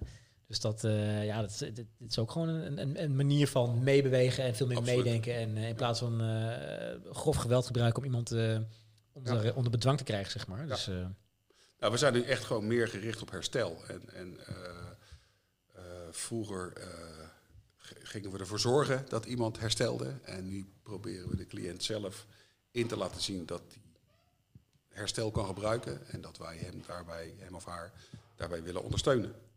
En dat is net een andere. Je probeert hetzelfde resultaat te bereiken, maar via een andere weg. Ja. En dat, dat, dat slaat meer aan, dat, dat is duidelijk. Ja. Wordt er eigenlijk veel, uh, veel, veel medicijn gebruikt? Uh, veel medicijn, is er eigenlijk veel medicijngebruik op uh, dat soort crisisafdelingen? Ja. Want mensen die verward binnenkomen of helemaal in de war zijn of agressief zijn, ik kan me voorstellen dat daar misschien iets, iets voor gebruikt wordt om ze even wat te kalmeren, zeg maar. Is dat, is dat echt in, in, in, in hoge mate dat gebruikt wordt of valt het nog altijd ja. overzien? Je dat in de Europese verband kijkt, is dat volgens mij uh, niet zo hoog. als je kijkt volgens mij naar landen als Engeland en Frankrijk, is die doseringen zijn, zijn, zijn veel hoger. Ja. in Nederland is er, wordt er wel altijd met medicatie gewerkt. er staat ook in de bewijzen dat een langdurige psychose hersenschade kan veroorzaken. Dus de bedoeling is wel dat dat zo, zo, zo spoedig mogelijk eigenlijk ja, weg zeg maar. Dus dat kan een aantal dagen aan, maar, maar, maar, maar dan wordt er meestal wel eh, medicatie ingezet. Ja. ja. Maar het belangrijkste blijft nog wel gewoon echt het contact maken met de persoon en zo snel mogelijk die proberen daaruit te halen. En, Ja, eh, veiligheid. Veiligheid maak je niet met een pilletje. Contact Nee. maak je niet met een pilletje. Nee. Nee. Het is mensenwerk. Je hebt kennis, je hebt kunde en dan komt de En verpleegkunst. medicatie. En dat is... Ja. eh, Sorry, wat zei je als laatste? Je hebt kenniskunde en medicatie. Ja, ja, precies. Ja. ja, ja. Ik heb het over verpleegkunst. Ja. Ja. Ja. Nou, het, het klinkt wel als een, eh, het klinkt als een heel mooi vakgebied. Alleen ook wel, eh, ja, het heeft wel echt wel scherpe randjes volgens mij. Hè? Het, eh, het, het psychiatrische deel van verpleegkunde, zeg maar. Dus, Ja, zeker. Maar goed, als ik voor mezelf spreek, ik doe het ru- ja, ruim 30 jaar. En nog steeds met veel plezier. En Ja. Ik ga er ook, als mijn lichaam me toelaat, eh, met gemak mijn pensioen mee halen. Ja. ja, precies. Me- Merk je daar al bepaalde dingen van? Want natuurlijk, het, het blijft natuurlijk fysiek werk voor een deel ook. Hè? Is, dat, is dat iets wat je op latere leeftijd al begint te merken? Dat je denkt van, ah, hm, Nou, nee, ik heb eerder wat, eh, wat dat betreft ook beter de bouwen kunnen gaan qua fysiek werk. Dan, eh, dan, hè, dus tegenwoordig met al die hulpmiddelen ja. hoef je makkelijk, niet per se een breuk te sjouwen. Maar en, en ja, binnen de psychiatrie, dat, dat, dat fysieke vind ik nog wel meevallen. Je moet af en toe, ja, kom je dingen tegen waarbij je fysiek moet worden.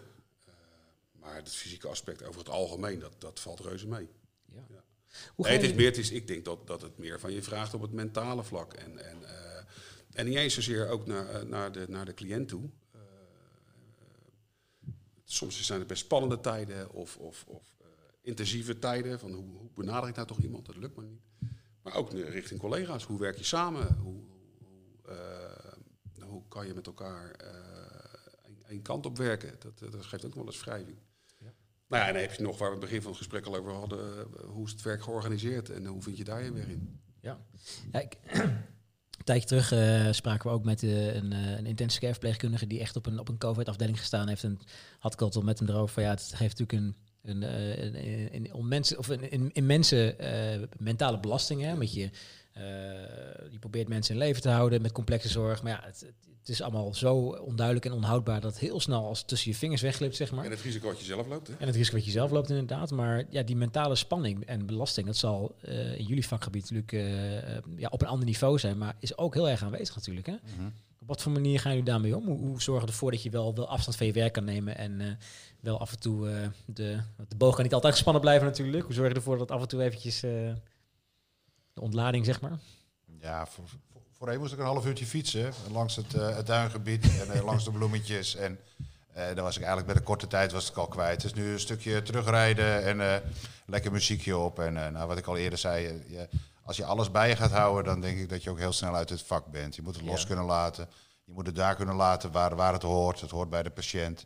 Het hoort niet bij jezelf. Je probeert aan te sluiten. En natuurlijk maakt het wel eens indruk, letterlijk en figuurlijk. D- dan moet je er iets mee. Maar nee, ik denk niet dat je alles mee naar huis moet nemen. Dat, daar heeft de patiënt eh, ook morgen en overmorgen niets aan. Nee, nee, inderdaad. En wat dat betreft, het, eh, het stukje reistijd is wel prettig altijd. Hè? Tenminste, toen ik nog in, in Leeuwarden werkte, was elke dag gewoon ja, 50 minuten heen, 50 minuten terug. Ik zat ook regelmatig in Den Haag en dan reed ik heen en weer op één dag of soms meerdere dagen achter elkaar. Maar ik moet zeggen, als ik dan een hele- van een drukke dag wegkwam en ik had de hele dag achter elkaar een meeting, zeg maar, ik stap in de auto in en dan reed ik eerst even een uurtje met niks aan, zeg maar. En dan zegt ze van, ah, even, even kalm, even rust. En dan als je dan thuis komt, inderdaad ben je alles kwijt, weet je. Want Ja. ik heb ook hier in Groningen gewerkt. En als ik dan van, van kantoor kwam of kwam van werk kwam of zo, en ik kom thuis, nou, dan zit je vaak nog een beetje met je gedachten bij werk, zeg maar. Ja. Dus dat, dat, dat, dat even die, eh, die, die, die, die reistijd, zeg maar, dat, dat helpt vaak wel om Dat eh, helpt, ja. een beetje Ja, reistijd, maar ik denk ook de, de, de, dat zeggen, de visie die je in de loop der jaren opbouwt. Dat je, hebt- je hebt eh, in het gedrag vaak ook te maken met de ziekte.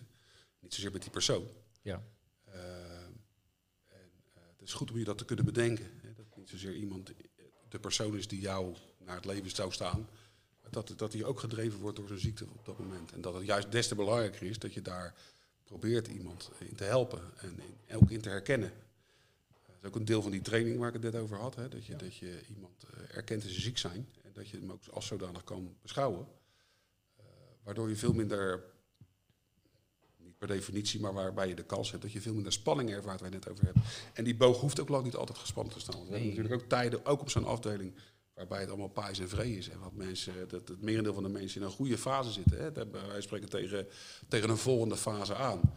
Ja, waarbij je ook echt wel de, de tijd kan nemen om, om weer eens eventjes eh, goed adem te halen en eh, Ja.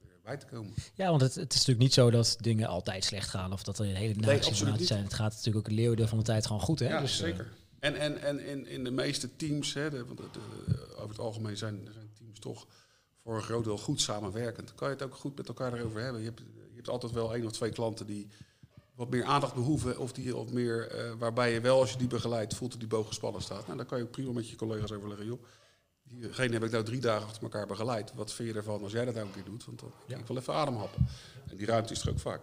Oh, dus dat jullie wel af en toe eventjes kunnen zeggen van, nou neem jij hem- of haar Ja, even zeker. over, want dan kan ik eventjes een klein beetje afstand nemen. Lukt niet altijd misschien, Ja. maar het is wel altijd te bespreken. Ook professionaliteit, hè? Ja, dat ook inderdaad. Ja. Jezelf en elkaar in bescherming nemen. ja. Hoeveel eh, cliënten heb je eigenlijk op zo'n afdeling als je daar met een, met, hoe- met hoeveel man staan jullie eigenlijk op zo'n afdeling en hoeveel cliënten heb je dan eigenlijk die je per dag aan, aan het behandelen bent? Nou, dat is verschillend. Ja, verschillend. Ik heb op meerdere hikafdelingen of opnameafdelingen gewerkt. En het is over het algemeen 12 bedden, drie, vier verpleegkundigen. Het ligt er nog een beetje aan of er afzondering is of hoe de, hoe de, de een hikafdeling heeft het gewoon al, al, al nieuwer en dynamischer geregeld. En er zit al in een 2.0 of een 3.0 fase, zeg maar. Ten opzichte van, van ouderwetse afdelingen. Die werken dan nog wat ouderwets, hebben nog wat ouderwetse inzichten. En eh, ja, daar, daar, daar is de verdeling vaak iets, iets, iets, iets anders. Iets anders. Het ligt er wel een beetje aan, maar het is een beetje één verpleegkundige op drie à vier patiënten.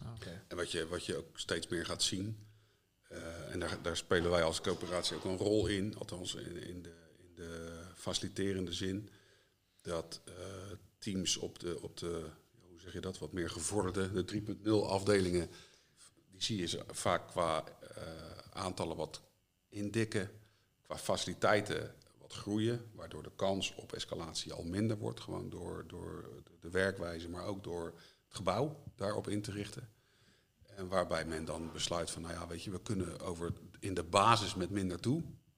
Maar hebben we extra personeel no- nodig, dat heet dan met een mooi woord opschalen.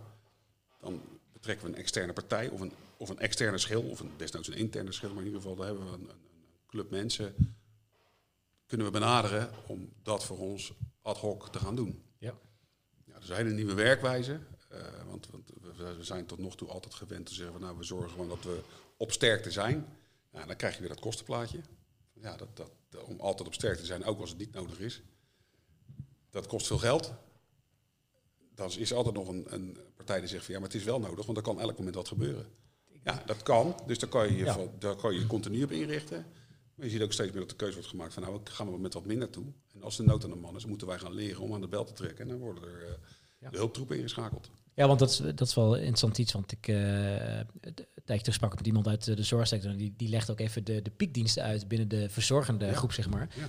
En die, eh, die mensen binnen die piekdienst zijn alleen maar in die piekdiensten nodig. En de rest van de dag niet. Ja. Nou is dat natuurlijk, hè, de, de geriatrie zeg maar, is natuurlijk wat, wat, wat kalmer en wat rustiger. Kan natuurlijk ook van alles misgaan. Maar, eh, want dat, dat wil ik net zeggen, eh, het stukje eh, de psychiatrische hulpverlening, als daar, daar kan elk moment iets misgaan. Dus je kan er niet in één keer zeggen van, ah, er kan er wel één persoon staan. Want Het is toch geen acht uur? ja, ja, precies. Ja. dus dat, dat is natuurlijk een stuk ingewikkelder. Maar er wordt dus aan gewerkt dat er eigenlijk dat, dat het wel zou kunnen. En mocht het nodig zijn, dat even iemand bij wijze op een noodknop drukt en dat er dan in één keer Ja. iemand bij komt. Zeg maar. Ja. En, en ik denk dat jij bedoelt met piekdiensten, dat is planbaar. Hè? Je, weet, Ja. je weet, net als met de spitstijd, hè? is spitstijd, Ja, spitsdienst. Ja. Eh, binnen, binnen ons werkveld eh, is, het, is het niet planbaar. Nee. Dus eh, dan moet je ervoor gaan zorgen, heb het weer over, dan moet je je zodanig gaan organiseren dat je weet dat als er iets onverwachts gebeurt, want het gebeurt onverwachts, dat je dan toch in staat bent om, om hulp in te roepen. Ja. En, en binnen afzon, afzon, afzienbare tijd. Afzienbare tijd. Afzienbare tijd. Ja. Hoe is het eigenlijk voor jullie als je op een, een, een wat van een nieuwere afdeling hebt gezeten, eh, als, als zelfstandige zeg maar, je hebt daar een tijdje meegedraaid en je moet dan in één keer weer terug naar een hele oude instelling of een hele oude locatie. Is, is, hoe, hoe is dat, hoe is zoiets voor jullie? Ja, het voelt soms wel eens als ontwikkelingswerk. ja, Dus van even, even 30 jaar terug de tijd zeg maar. eh, ja, ja. zeker. Ja, ja. En dan, eh, dan heb, en dan heb ik het meer over de faciliteiten hoor, Ja. de gebouwen. Wat betreft eh, manier van werken, tuurlijk zitten er ook verschillen in. Maar het- er is wel een landelijke tendens naar, naar eh, de herstelvisie, hikwerken. Ja. Dat, dat, dat, dat, ja, de, de ene team loopt er wat in voor, de ander wat in achter. Maar het gaat wel allemaal dezelfde kant op. Ja, precies. Ja. ja, de werkwijze is verder hetzelfde, maar als je in één keer in zo'n heel oud gebouw komt met allemaal Ja. oude faciliteiten, dan is het natuurlijk een... eh, Even slikken. even slikken inderdaad. Ja, dat is en mooi. eh, dat is mooi. Ja. Dat is een mooie uitdaging. eh. Ja. Ja, Ik precies. Ja. Hey, wat, wat heeft jullie eigenlijk gebracht naar... eh, nou, laat ik, laat ik eerst nog met een andere vraag beginnen. Eh, het werk in het Westen. Want jullie hebben allebei ook in de Randstad gezeten, geloof ik. Hè? Echt En gewoond. En gewoond inderdaad. En ook in de zorgsector gewerkt. Merk je, of merken jullie ook verschil met hier en daar? Ja, zal ik iets zeggen? Ja. Binnen de steden, eh, steden Amsterdam, eh, Den Haag, stedelijke gebieden, vind ik wel rauw, Ja. verhard, vereenzaamd. Eh, de verwarde mens is daar wel goed verward. En als je dan langzaam, eh, in mijn geval, een beetje opkruipt naar het noorden en je gaat een beetje naar, naar half, half Noord-Holland, daar wordt het al wat gemoedelijker. Als ik dan eh, ga naar de kop van Noord-Holland, dan zitten we met z'n allen als hier aan een tafel. En dan hebben we het erover, goh, wat voor ziektebeeld heb jij en wat voor ziektebeeld heb, eh, heb, heb ik. Dus merk je dat het toch socialer is, gemoedelijker, warmer. dat de psychiatrie daar wel anders is. We hebben vorig jaar de overstap gemaakt hier naar het helemaal naar het noorden. En daar vind ik dat je eh, ook wel weer een bepaalde verandering ziet. Groningen is wel gewoon een stad. Eh, wat ik denk te zien is dat in dit gebied eh, iets meer ja, manisch-psychotisch, manische beelden. Het lijkt mij iets meer voor te komen als, als in het Westen. Maar dan kan ik ook niet zeggen dat ik daar onderzoek naar gedaan heb of dat ik dat weet je, altijd overal gewerkt heb. Maar zo in het eerste jaartje denk ik, goh, ja, dat lijkt hier iets rauwer en iets, iets, iets, iets scherper, iets harder in de manie te zitten. Eh, En op een afdeling van 12 hebben we er normaal zeg maar 2 à 3 en dit zijn er dan 4 of 5. Dus dat, dat lijkt hier iets, in het noorden iets anders. Ja. Ja, precies. Even voor mijn beeld van maar eh, manisch-psychotisch, wat, wat moet ik me daarbij voorstellen? En manie is eigenlijk een, eh, een, eh, zo'n berg energie in je lijf dat je eh, eh, alles wel aan kan en eh, eh, alles, alles, alles wil doen en overal verbanden ziet. eh, maar eigenlijk een spoor van ellende eh, achter je laat. Omdat het beeld wat je daarvan hebt eh, niet reëel is, niet de realiteit is. Eh, en dat is dan het psychotische deel. Dus mensen zijn in een enorme overtuiging. eh, en dat kan ze soms ook ver brengen. Eh, maar uiteindelijk eh, blijft er een spoor van ellende achter. Ja. Me- Megalomaan gedrag, zoals dat met een mooi woord heet. Ja. ja. Is de, de, het, het beeld dat hij schetst trouwens van west tegen noord of noordoosten, zeg maar, is dat, is dat herkenbaar of is dat voor jou ook voor een deel anders geweest? Nou, zoals Barry het schetst, heb ik het nog niet bekeken. Maar zoals hij het vertelt, denk ik, ja, dat, daar kan ik me wel in vinden. En, en eh, wat, ik, eh, wat ik zelf denk te merken is dat je... eh, ik sluit mij helemaal aan bij Barry, zegt die Ja, grote ja. steden, hè, ze echt, echt weer grotere problemen, grovere problemen. ook toch echt wel meer agressie. Wat ik me goed kan voorstellen trouwens, als je met z'n allen op een hoop zit. Ja, zeker. En dan zie je ja, in, in de, in de dorpelijke provincies heb je ook steden. Hè? En daar zie je wel ongeveer hetzelfde, al is het wel wat milder. Eh, een, een, een denkfout of een inschattingsfout die ik zelf ooit heb gemaakt, is dat ik dacht dat in de, in de, op het platteland eh, het drugsgebruik eh, stukken minder zou zijn. En dat de, de, de mensen met een psychiatrische aandoening eh, meer gemotiveerd zouden zijn om, om, om een behandeling aan te gaan. Eh, drugs, Valt, die worden eh, overal gebracht. Eh, Misschien nog wel meer. en misschien nog wel meer, met hele SRV Ja. waren ze tegelijk. Ja. Dus die vlieger ging niet op. En hetzelfde gold voor, voor de, de, de bereidheid tot behandeling. Dus het is meer wel, of het is meer in de stad is, is het wat gewoner Ja. voor mensen om verwarde mensen te zien. In het platteland is het toch, komt het minder vaak voor, relatief. Eh, en, en wordt er ook vaak wat beschamender naar gekeken. Wordt het liever wat weggemoffeld. Of het duurt heel lang voordat het aan de oppervlakte komt. Voordat er hulptroepen ingeschakeld worden. Die verschillen zie ik wel. Ja, de, de anonimiteit is natuurlijk ook een stuk lager Ja. eh, op, op het platteland dan in de stad. Hè? Dus, eh, dus hier, Ja, hier een, stukje, een stukje socialer, toch? Een stukje, ah, maar dat is die uit het dorp. Het wordt toch wat makkelijker geaccepteerd als iemand Ja. die ze kennen.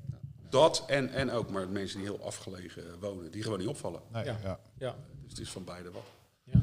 Wat betreft eh, drugsgebruik en dergelijke, hè? zien jullie daar ook vaak mensen die door dat in verwarde toest- eh, toestand opgenomen worden en dergelijke? En, Ja, absoluut. en hoe is dat, is, dat een soort, is dat eigenlijk een soortgelijke behandeling die je dan eh, doorgaat? Of, is dat, eh, of, of zijn dat dan mensen die in een heel ver voor het stadium van drugsgebruik zitten en drugsverslaving en dergelijke? Nee, dat, dat verschilt heel erg. Nee, dat verschilt, dat verschilt inderdaad. Eh, wat je merkt is dat er vaak drugs aan grondslag ligt. Eh, het is een beetje kip-en-ei verhaal. Hè?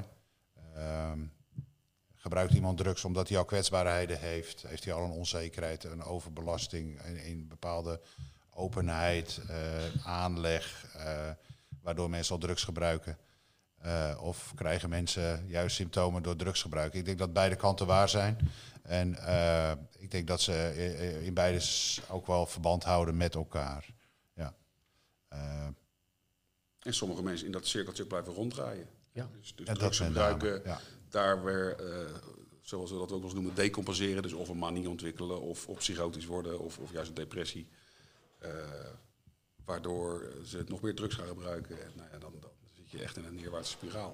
en, eh, je, en een mooie, ja, goede vraag die je natuurlijk stelt, van nou, waar, waar kijk je dan als eerste naar? Ja, dat, eh, ehm, over het algemeen eh, gaan we toch iemand die psychotisch is, al of niet met oor, door, door gelukseerd door drugs, ga je de psychose of het ziektebeeld bestrijden. En dan, eh, dan, blijf je vaak met de verslaving zitten. En wat je steeds meer ziet, gelukkig, is dat het, je ziet nu nog gescheiden verslavingszorg en psychiatrie, maar je hebt al, ook in deze provincie, als ik het wel heb, heb je samenwerkingsverbanden tussen VNN, GGZ, waarbij er gewoon gezegd ja, we gaan, we gaan we moeten stoppen met die labeltjes erop plakken, we moeten stoppen met die schotten ertussen te houden. We moeten gewoon zien van, hey, dit is één persoon met meerdere problemen. Ja. En hoe gaan we die vanuit onze eigen expertise het, het beste te dienst zijn? Ja. Nou, dat, dat is een, een ontwikkeling die nu gaande is, die al lang gaande is, maar die steeds verfijnder wordt. Eh, eh, ik, kan, ik weet het niet over heel Nederland, maar ik weet dat het hier ook gebeurt. Dat gebeurt ook in het Westen.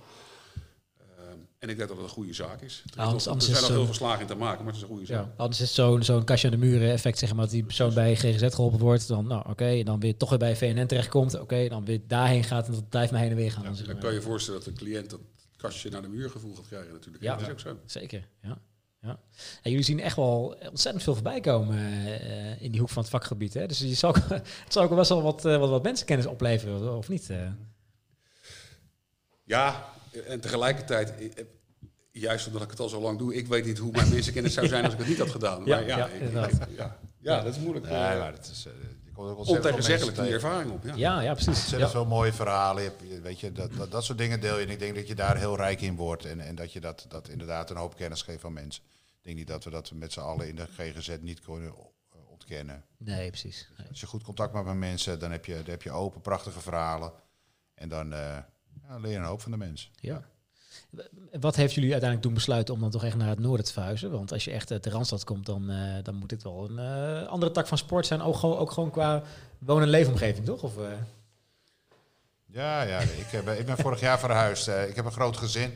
En eh, een groot huis in het westen is, is niet te betalen. Dan zit je met z'n allen in een klein huisje. Ja. We wilden ook eh, wat schone lucht, we wilden ruimte, we wilden meer eh, eh, biologie als industrie. En eh, ja, dat heeft gemaakt dat we uiteindelijk naar het noorden zijn, eh, zijn gegaan. En dan eh, woon je wel een beetje buiten de stad, zeg maar, of buiten een stad, een beetje, een beetje dorpelijk. Of, eh, Dorpelijk, ja. Ja, Oh, dan heb je wel eh, wat, eh, een stukje grond eh, voor jezelf waarschijnlijk. Dus eh, Ja, in ieder geval de ruimte. Ja, ja, ja, ja, dat is wel lekker. eh, ja, ja. En voor jou René? Ja, ik ben geboren en getogen in Leiden. Dat is niet aan mijn Fries te horen, maar... eh, eh, ja, ik heb, ik heb op de een of andere manier... Mijn ouders hadden het altijd over van... Nou ja, als, we, als, we, als ik bij pensioen ga... En toen had je nog de VUT.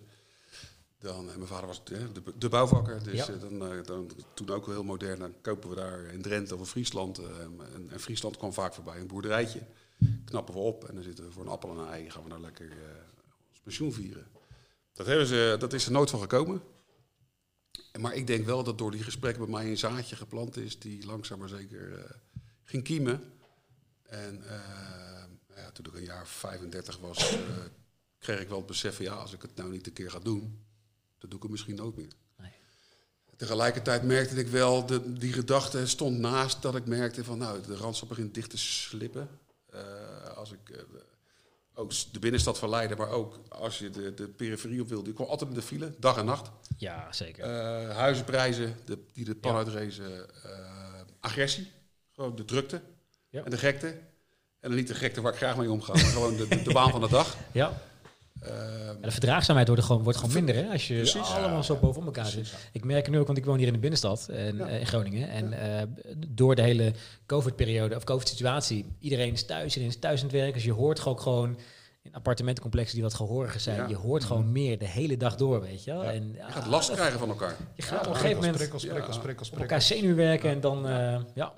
Dus nou ja, dat, dat gaf mij steeds meer motivatie om ook dat plantje maar eh, elders eh, te gaan poten. Ja.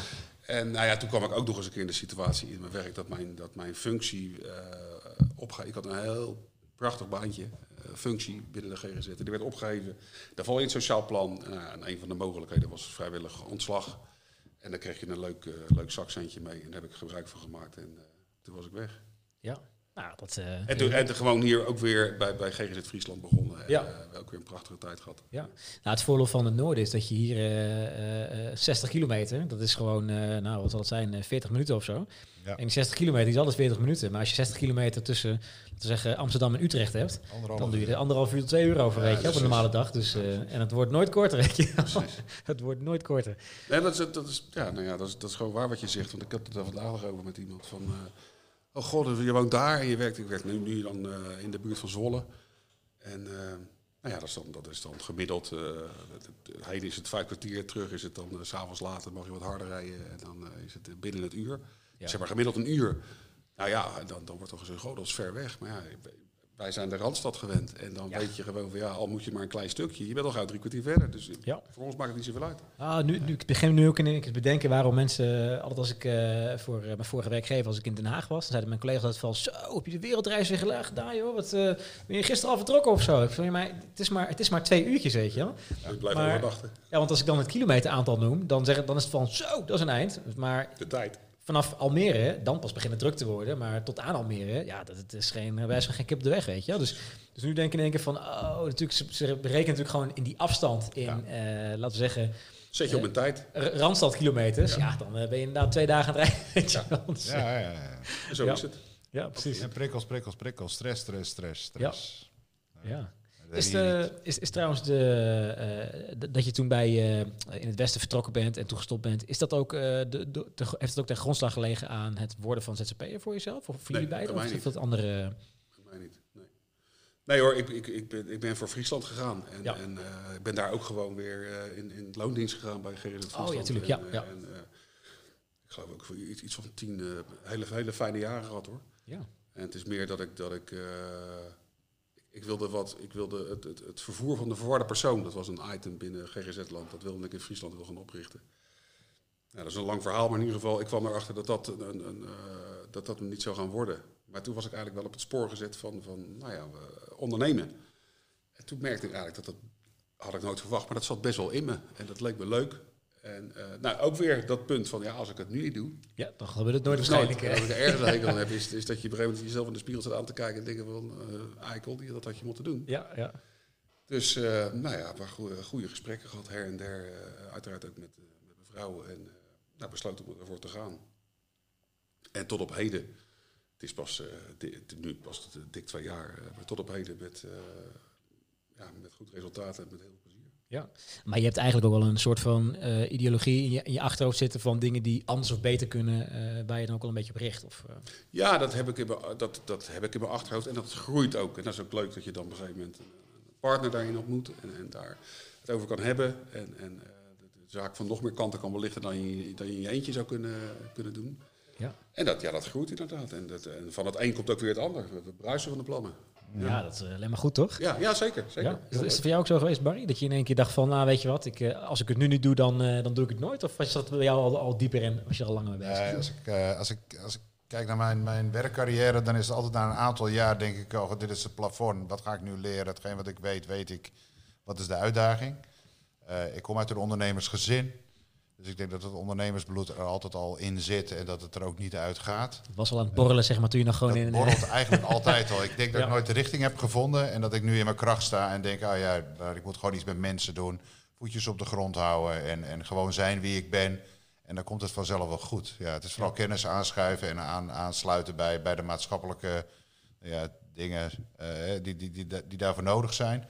Maar ik denk dat, dat, dat de, de kracht vooral zit in wie ik ben, het mens, het aansluiten, het, het gewone en toch verdiepend en toch analytisch, uh, uh, heel scherp en, en, en respectvol, zacht. Ik denk dat mensen dat vooral waarderen. Ja, ja. Dat ze iets te horen krijgen wat ze niet willen weten, maar dat het zo verteld wordt dat ze het wel kunnen horen, dat er ook iets mee kunnen. Ja. En ik denk dat dat een, een bovenmatige kracht is van mij. Het zal waarschijnlijk een van de meest belangrijke eigenschappen zijn die je in het vakgebied moet hebben, denk ja. ik. Zijn er eh, ook dingen waar jullie tegen, allebei tegenaan liepen toen je eh, begon als ondernemer? Dat je dacht van, oeh, nou, dat, eh, wat, op een bepaalde manier spring je toch een beetje in diepe. Hè? Nou, misschien Barry voor jou wat minder, omdat je al uit een ondernemersgezin komt en het misschien al een beetje meegekregen. Hè? Maar is het voor jou misschien anders geweest, Nee, Dat je toch wel dacht van, ah, er zijn toch al dingen die ik... Nou ja, ik heb, ik heb het nu wel eens met mensen over die nieuwsgierig zijn over hoe het is om ZZP'er te zijn. En als ze al die richting op denken, zeg ik altijd van nou, probeer dat in stapjes te doen. Ja. Eh, zeg niet alles in één keer op, wat ik dus wel heb gedaan. Eh, maar dat is best spannend geweest. Het is al helemaal goed gekomen. Maar eh, dat, dat is spannend geweest, daar liep ik tegenaan. We hebben het al in een voorgesprekje even over recruiters gehad. Eh, nou, daar liep ik ook tegenaan. ja, precies. Ja, apart slag volk. En, en, nou ja, daar, daar, daar moet je mee om weten te gaan. Of, of, Ja, niet, zeker. of niet mee om willen gaan, maar, geef het een naam. Maar nou ja, daar, daar, daar heb ik ook met vallen en opstaan van moeten leren.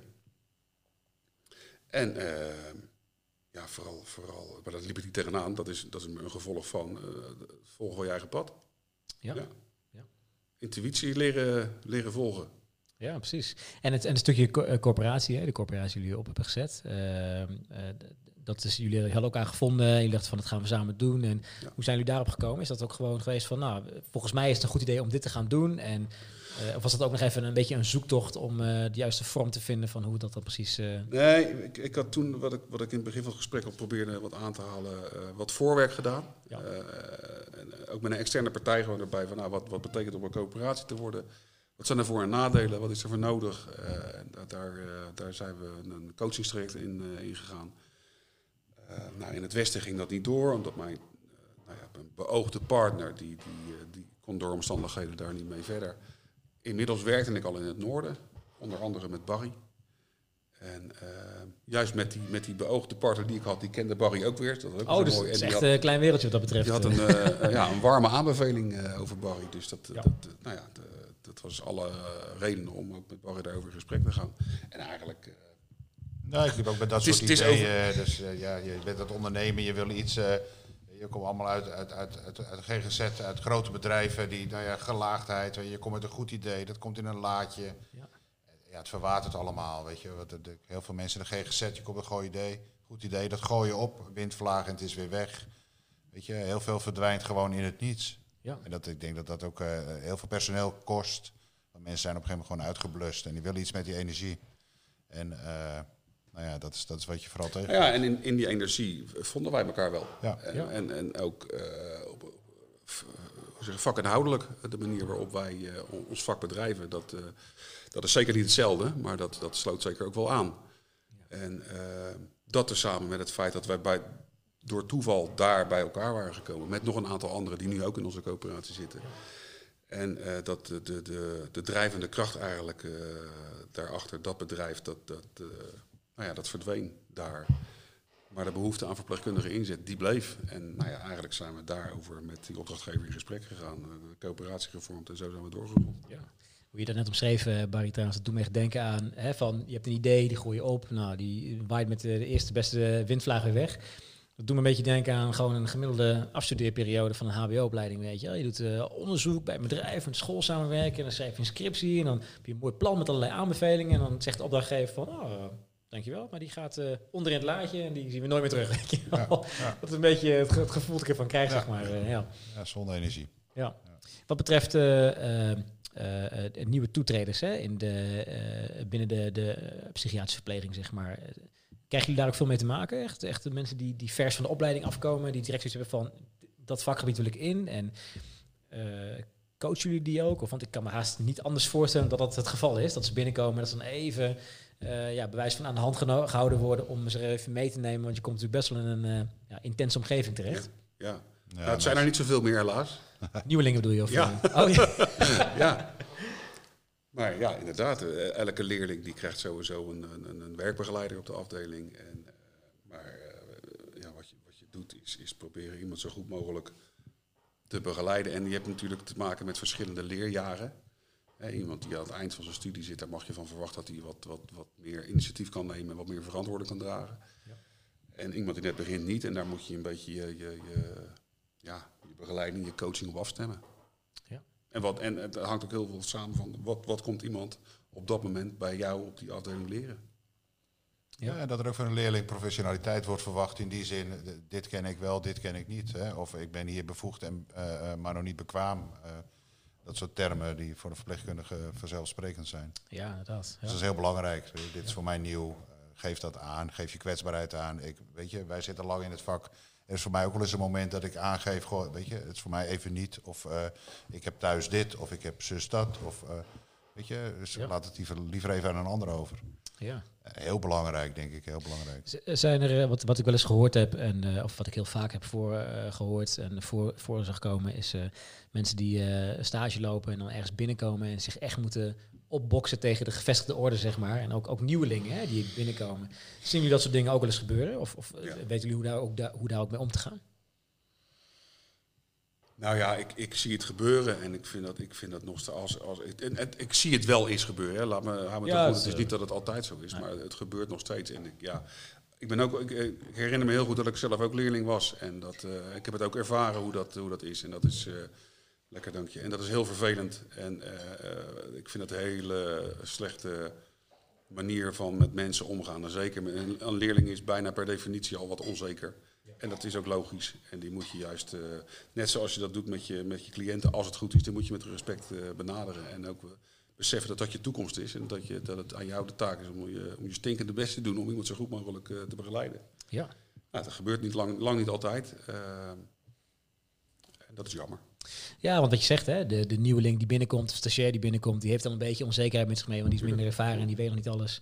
En uh, ja, natuurlijk, er wordt er al een beetje uh, gehouden met de, de nieuwelingen. Hè. Dat wordt er ook een klein beetje bij. Maar het is wel de bedoeling dat ze uh, dusdanig het steuntje in de rug krijgen. Dat ze die, die zekerheid ontwikkelen. Hè. En niet, niet juist veel omlaag geduwd worden, zeg maar. Mhm. Ja. Ik vind dat, dat dolle, dat, ik hou van het dolletje absoluut. Maar dat dolle met, met, met leerlingen, dat heb ik dus, ja, de, dat, zeker mensen in ons vak, die moeten wel weten wanneer je dat wel en wanneer je dat niet kan doen. En dan doe je eerst maar eens eventjes aan, aan, aan persoonsopbouw en karakteropbouw. En als je weet dat dat in orde is, dan is de tijd voor een dolletje misschien daar. Ja, maar uh, ja, exact. Wel, in, wel in die volgorde. Ja. Wat merken jullie eigenlijk van de hele uh, coronacrisis? Dat is een goeie. Ja, uh, veel en weinig, zou ik zeggen. Veel in de zin van, het, het, het, ja, ja, het, we staan ermee op en we gaan ermee naar bed.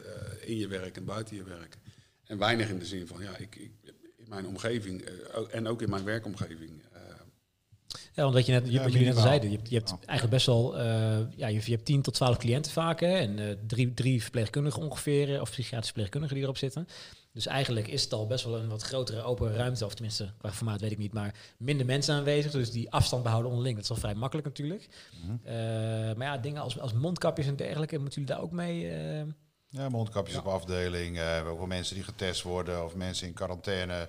Maar uiteindelijk, nou, zoals René al zei, ik heb, ben nog geen patiënten, werkelijk patiënten tegengekomen die, die nee. we hebben moeten behandelen of hebben moeten overplaatsen. Ja. Uh, wat ik wel uh, zelf heb gemerkt is, denk ik, en ik heb er laatst ook een mooi stuk over gelezen, uh, is dat er, doordat er wat afstand ontstaat tussen de mensheid en de maatschappij, en die afstand die voelt een psychiatrisch patiënt eigenlijk altijd al. Uh, en nu hebben we dat allemaal, dat dat wat normaliseert, waardoor ze zich wat minder angstig voelen en er oh. iets minder opnames zijn. Ja. En gevoelsmatig zo vanaf maart, april dacht ik van, goh ja, daar lijkt wel iets in te zitten. En als je dan zo langzamerhand van, van degene die daar dan wat meer gespecialiseerd naar kijken, hoe dit soort artikelen leest, dan denk ik dat er uh, enige waarheid in zit, ja. Ja. Ik vermoed wel dat, dat als het straks uitloopt, dat het ook wel weer een, een, een soort rebound effect ja. zal zijn. Ja, precies. Uh, maar voor nu lijkt het ook soms wel eens wat rustiger in de kliniek. Dus eigenlijk zorgt er ook voor dat uh, ja, dan een soort van positief effect eigenlijk, hè, dat er eigenlijk minder, ja, minder opnames ja. zijn. Het is de vraag of het positief is. Of het tijdelijk is. Je ziet het ook in de reguliere zorg, dat, dat mensen zich veel minder vaak aandienen bij, met klacht, als ze klachten hebben, omdat ze bang zijn dat ze ziek de zorg tot last van zijn, of dat, of dat ze in het ziekenhuis ziek worden. En dan, nou ja, wat Barry al zegt, je kan natuurlijk daar een enorme rebound van gaan verwachten, want straks uh, op enig moment, hè, als, ja. als we ooit de corona uh, in ieder geval onder controle krijgen, ja, dan, dan, dan, moet, dan moet dat toch ingehaald worden op een of andere manier. Ja, dus net als in de reguliere zorg, of daar, eigenlijk is het ook een soort vorm van reguliere zorg, hè, dat het ook weer zo'n boost krijgt, zeg maar. En, uh, ja, het heeft een aparte tendens, ja. ja. Uh, wat betreft de mondkapjes, hè, een, uh, een Ellie, Ellie Knuiver, een verzorger in Nigeria, die vooral als nachtzuster te werk ging, of te werk gaat, die gaf ook aan dat de, de ouderen waar zij kwam, dat die echt echt heel vervelend vonden als ze met een mondkapje opkwam. Dat zij zeggen van ja, weet je, ik zie geen gezicht meer. Ik zie alleen maar de, Ja. de ogen en voor de rest niks.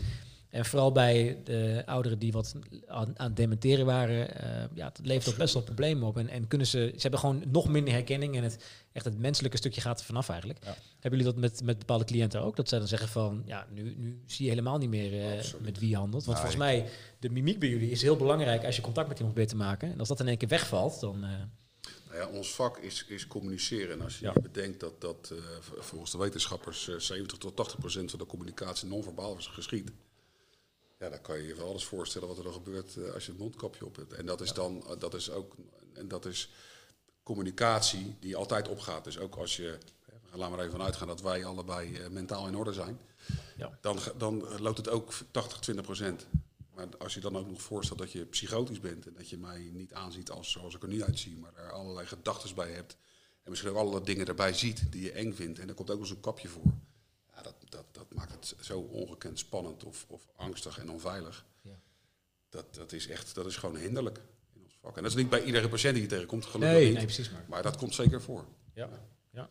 En dan, en dan heb je het ook nog over een kapje. Je hebt ook nog schorten en handschoenen. En, eh, Het is bijna alsof je als, eh, als je daar opgenomen zit, dan zit je bij, bijna in een horrorfilm, weet je. Ja, ja. ja, En nou al ja, die, maar die, kleding en die pakken en dan er een kapje voor, zeg maar. en je ziet En het helemaal wordt echt wel eens zo ervaren door cliënten. Dat, Ja. dat ze in een horror scenario zitten. Ja. Dat moeten we niet onderschatten. Nee, nee, precies. En- en In sommige gevallen, eh, die, want ik, ik heb wel eens voorbij zien komen, of tenminste, kijken jullie eh, Formule 1? Volgen jullie dat wel eens? Jazeker. Je zag in het begin eh, van de, de coronacrisis, zag je Toto Wolff, hè, de, de, de Ja. CEO en team principal van Mercedes, eh zeg je met zo'n spatbril voor, weet je. Ja. Waar hij Ja. zei van, ah, die mondkapjes heb ik geen zin in, ik doe gewoon dit. En eh, nou, de VIA had er nogal wat moeite mee, dus uiteindelijk had hij toch dat mondkapje uiteindelijk gedaan. Hè. Maar die, die spatbrillen, wordt dat ook binnen de zorg gebruikt? zie je in- ook voorbij komen. Ja. Ja, ik moet er zelf niet aan denken. Maar dat, eh.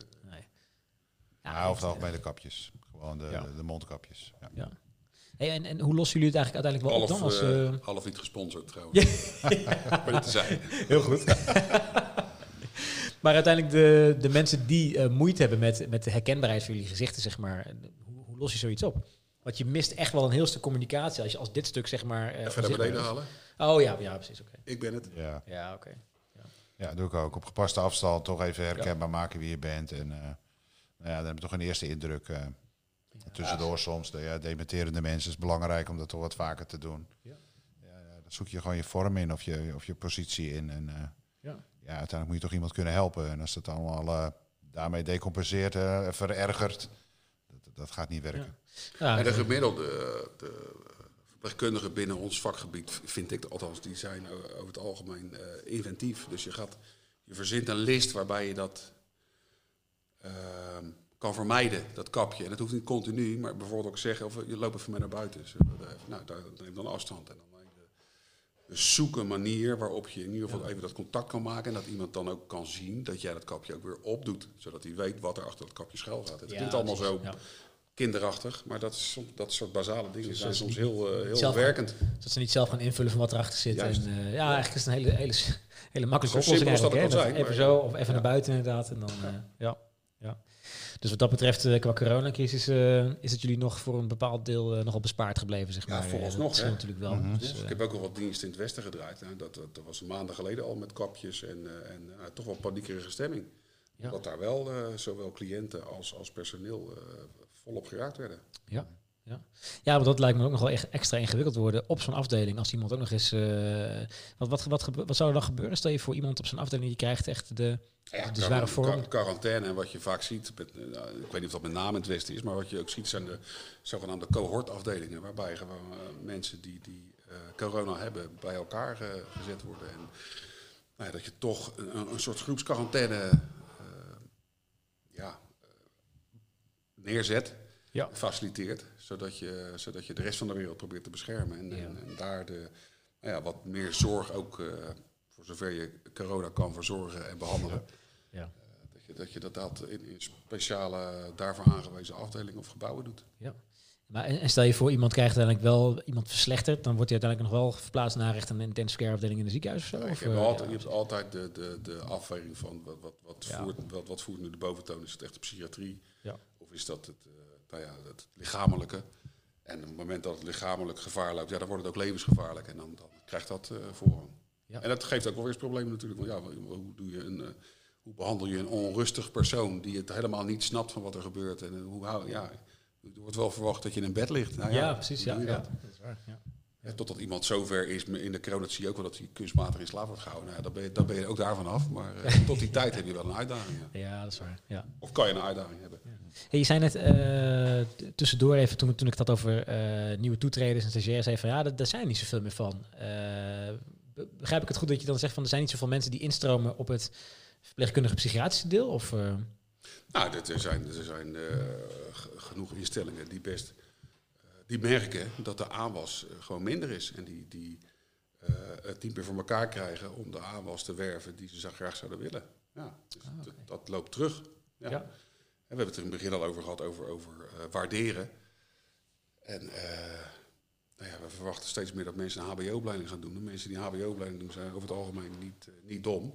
Dus die kunnen ook bedenken van ja, weet je, wat, wat gaan we, welke investering ga ik nou doen, die vier jaar studeren? Doe ik dat voor met, hiervoor in een vak wat me best wel leuk lijkt, maar waar, we, qua toekomstperspectief niet zoveel in zie?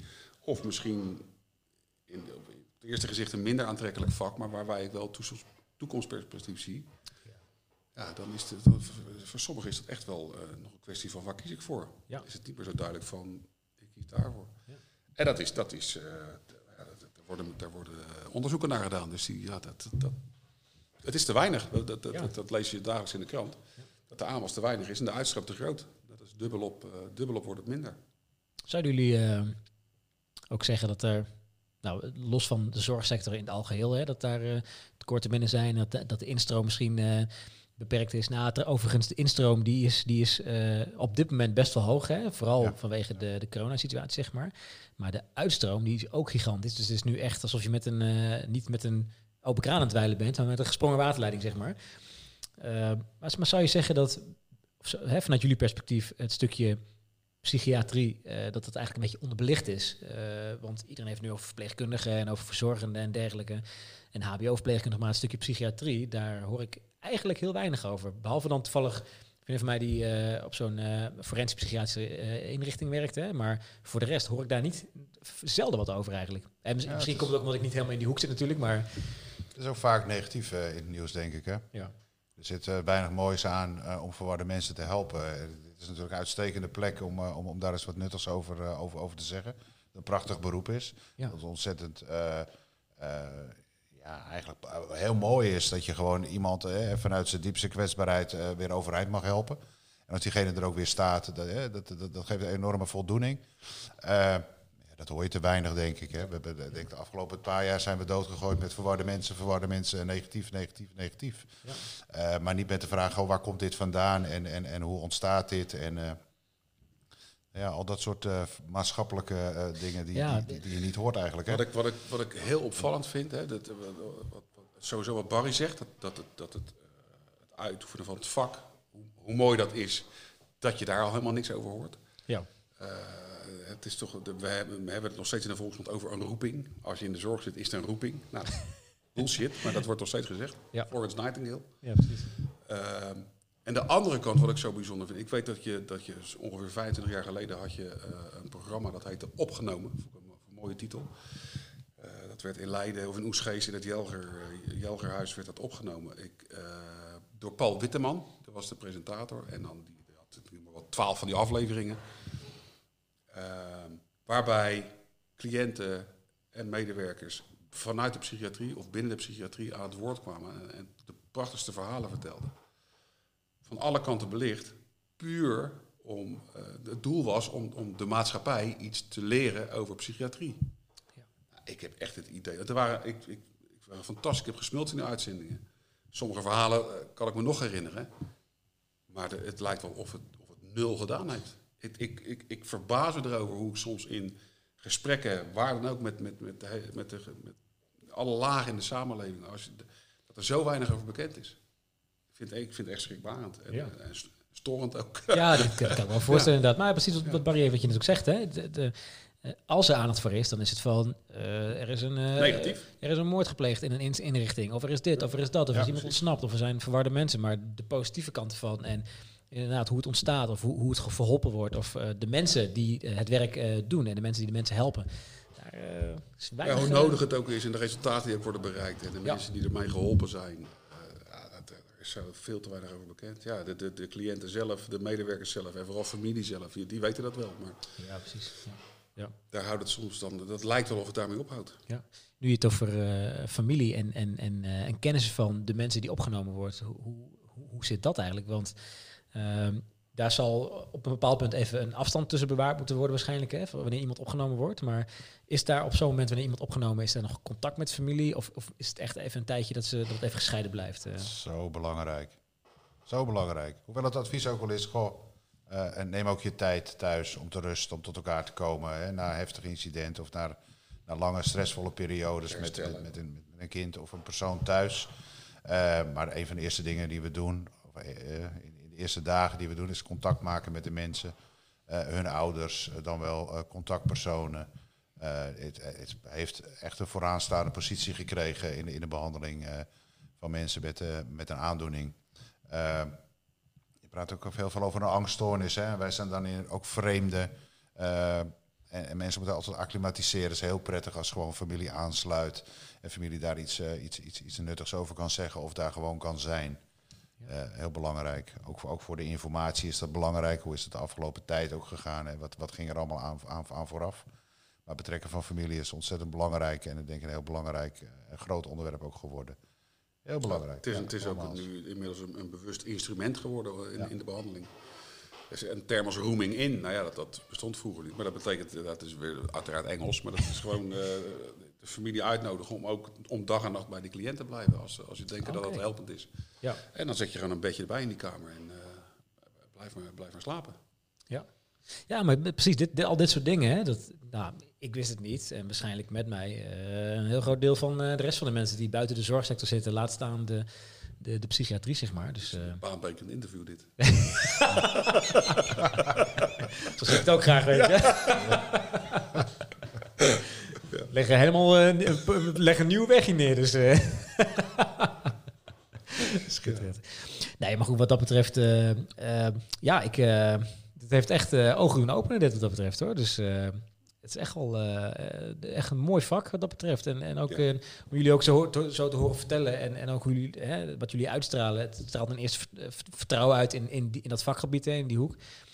Eh, jullie, jullie, is- jullie barsten natuurlijk van de ervaring, dus dat, dat straal je ook uit. Hè. Dus van, ah, eh, komt allemaal onder controle, komt allemaal goed. En je, denk, je weet ook dingen heel mooi uit te leggen, weet je. wel. Het is echt wel, eh, het is, eh, ja, geeft een hele mooie inkijk in een, voor mij tenminste, nog onbekend vakgebied dat betreft. Dus eh, Nou ja, ik, hoop, ik hoop dat het ooit eens een keer bekend wordt binnen onze maatschappij. Ja, wat, ja, precies. Wat, wat er precies aan de hand is. Want, wat, ja, Barry zegt het heel treffend. Het, het- het is zo zonde voor, voor, en zo stigmatiserend dat, dat hetgeen wat er in het nieuws komt over, over de verwarde mensen, ja, 9 van de 10 keer negatief is.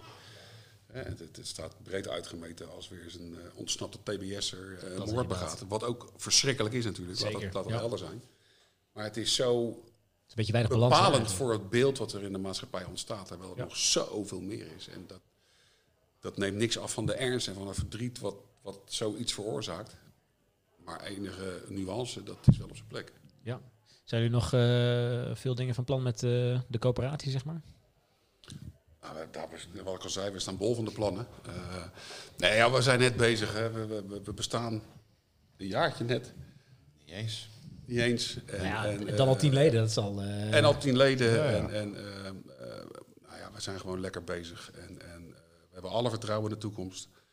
En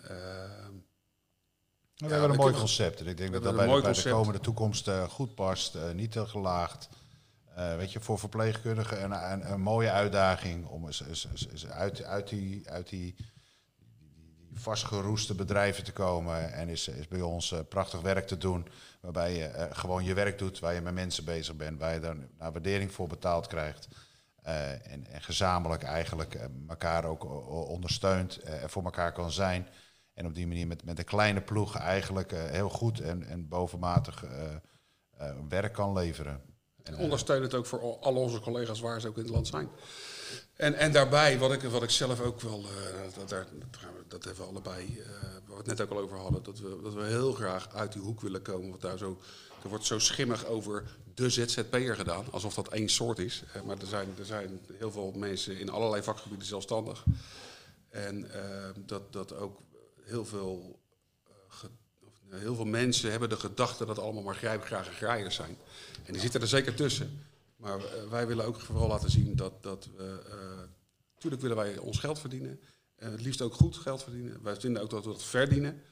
Ehm, maar het hoeft niet duurder dan noodzakelijk. En, en eh, gewoon een deel van onze missie is juist dat het geld wat voor de zorg bestemd is, ook bij de zorg terechtkomt. In plaats bij allerlei andere bedrijven die daartussen gaan zitten. En, Ja. en alleen hun brood verdienen met daartussen te gaan zitten. Ja. ja, want dat is ook nog iets waar je eigenlijk tegen aan het opboksen bent. Hè? Een beetje die, die beeldvorming in de maatschappij over ZZP'ers. Ook, ook weer de beeldvorming. Ja. En, eh, en, en het is maar beeldvorming, want de meeste mensen die in de zorgsector zitten, die ZZP'ers zijn, dat zijn gewoon, is een hele bewuste keuze geweest om eh, of op een bepaalde manier nog te verbonden te blijven met de zorg en nog werk te kunnen doen, of gewoon voor zichzelf kiezen en zeggen van ja, weet je, ik wil zelf die regie hebben en ik wil zelf kunnen gaan waar ik wil.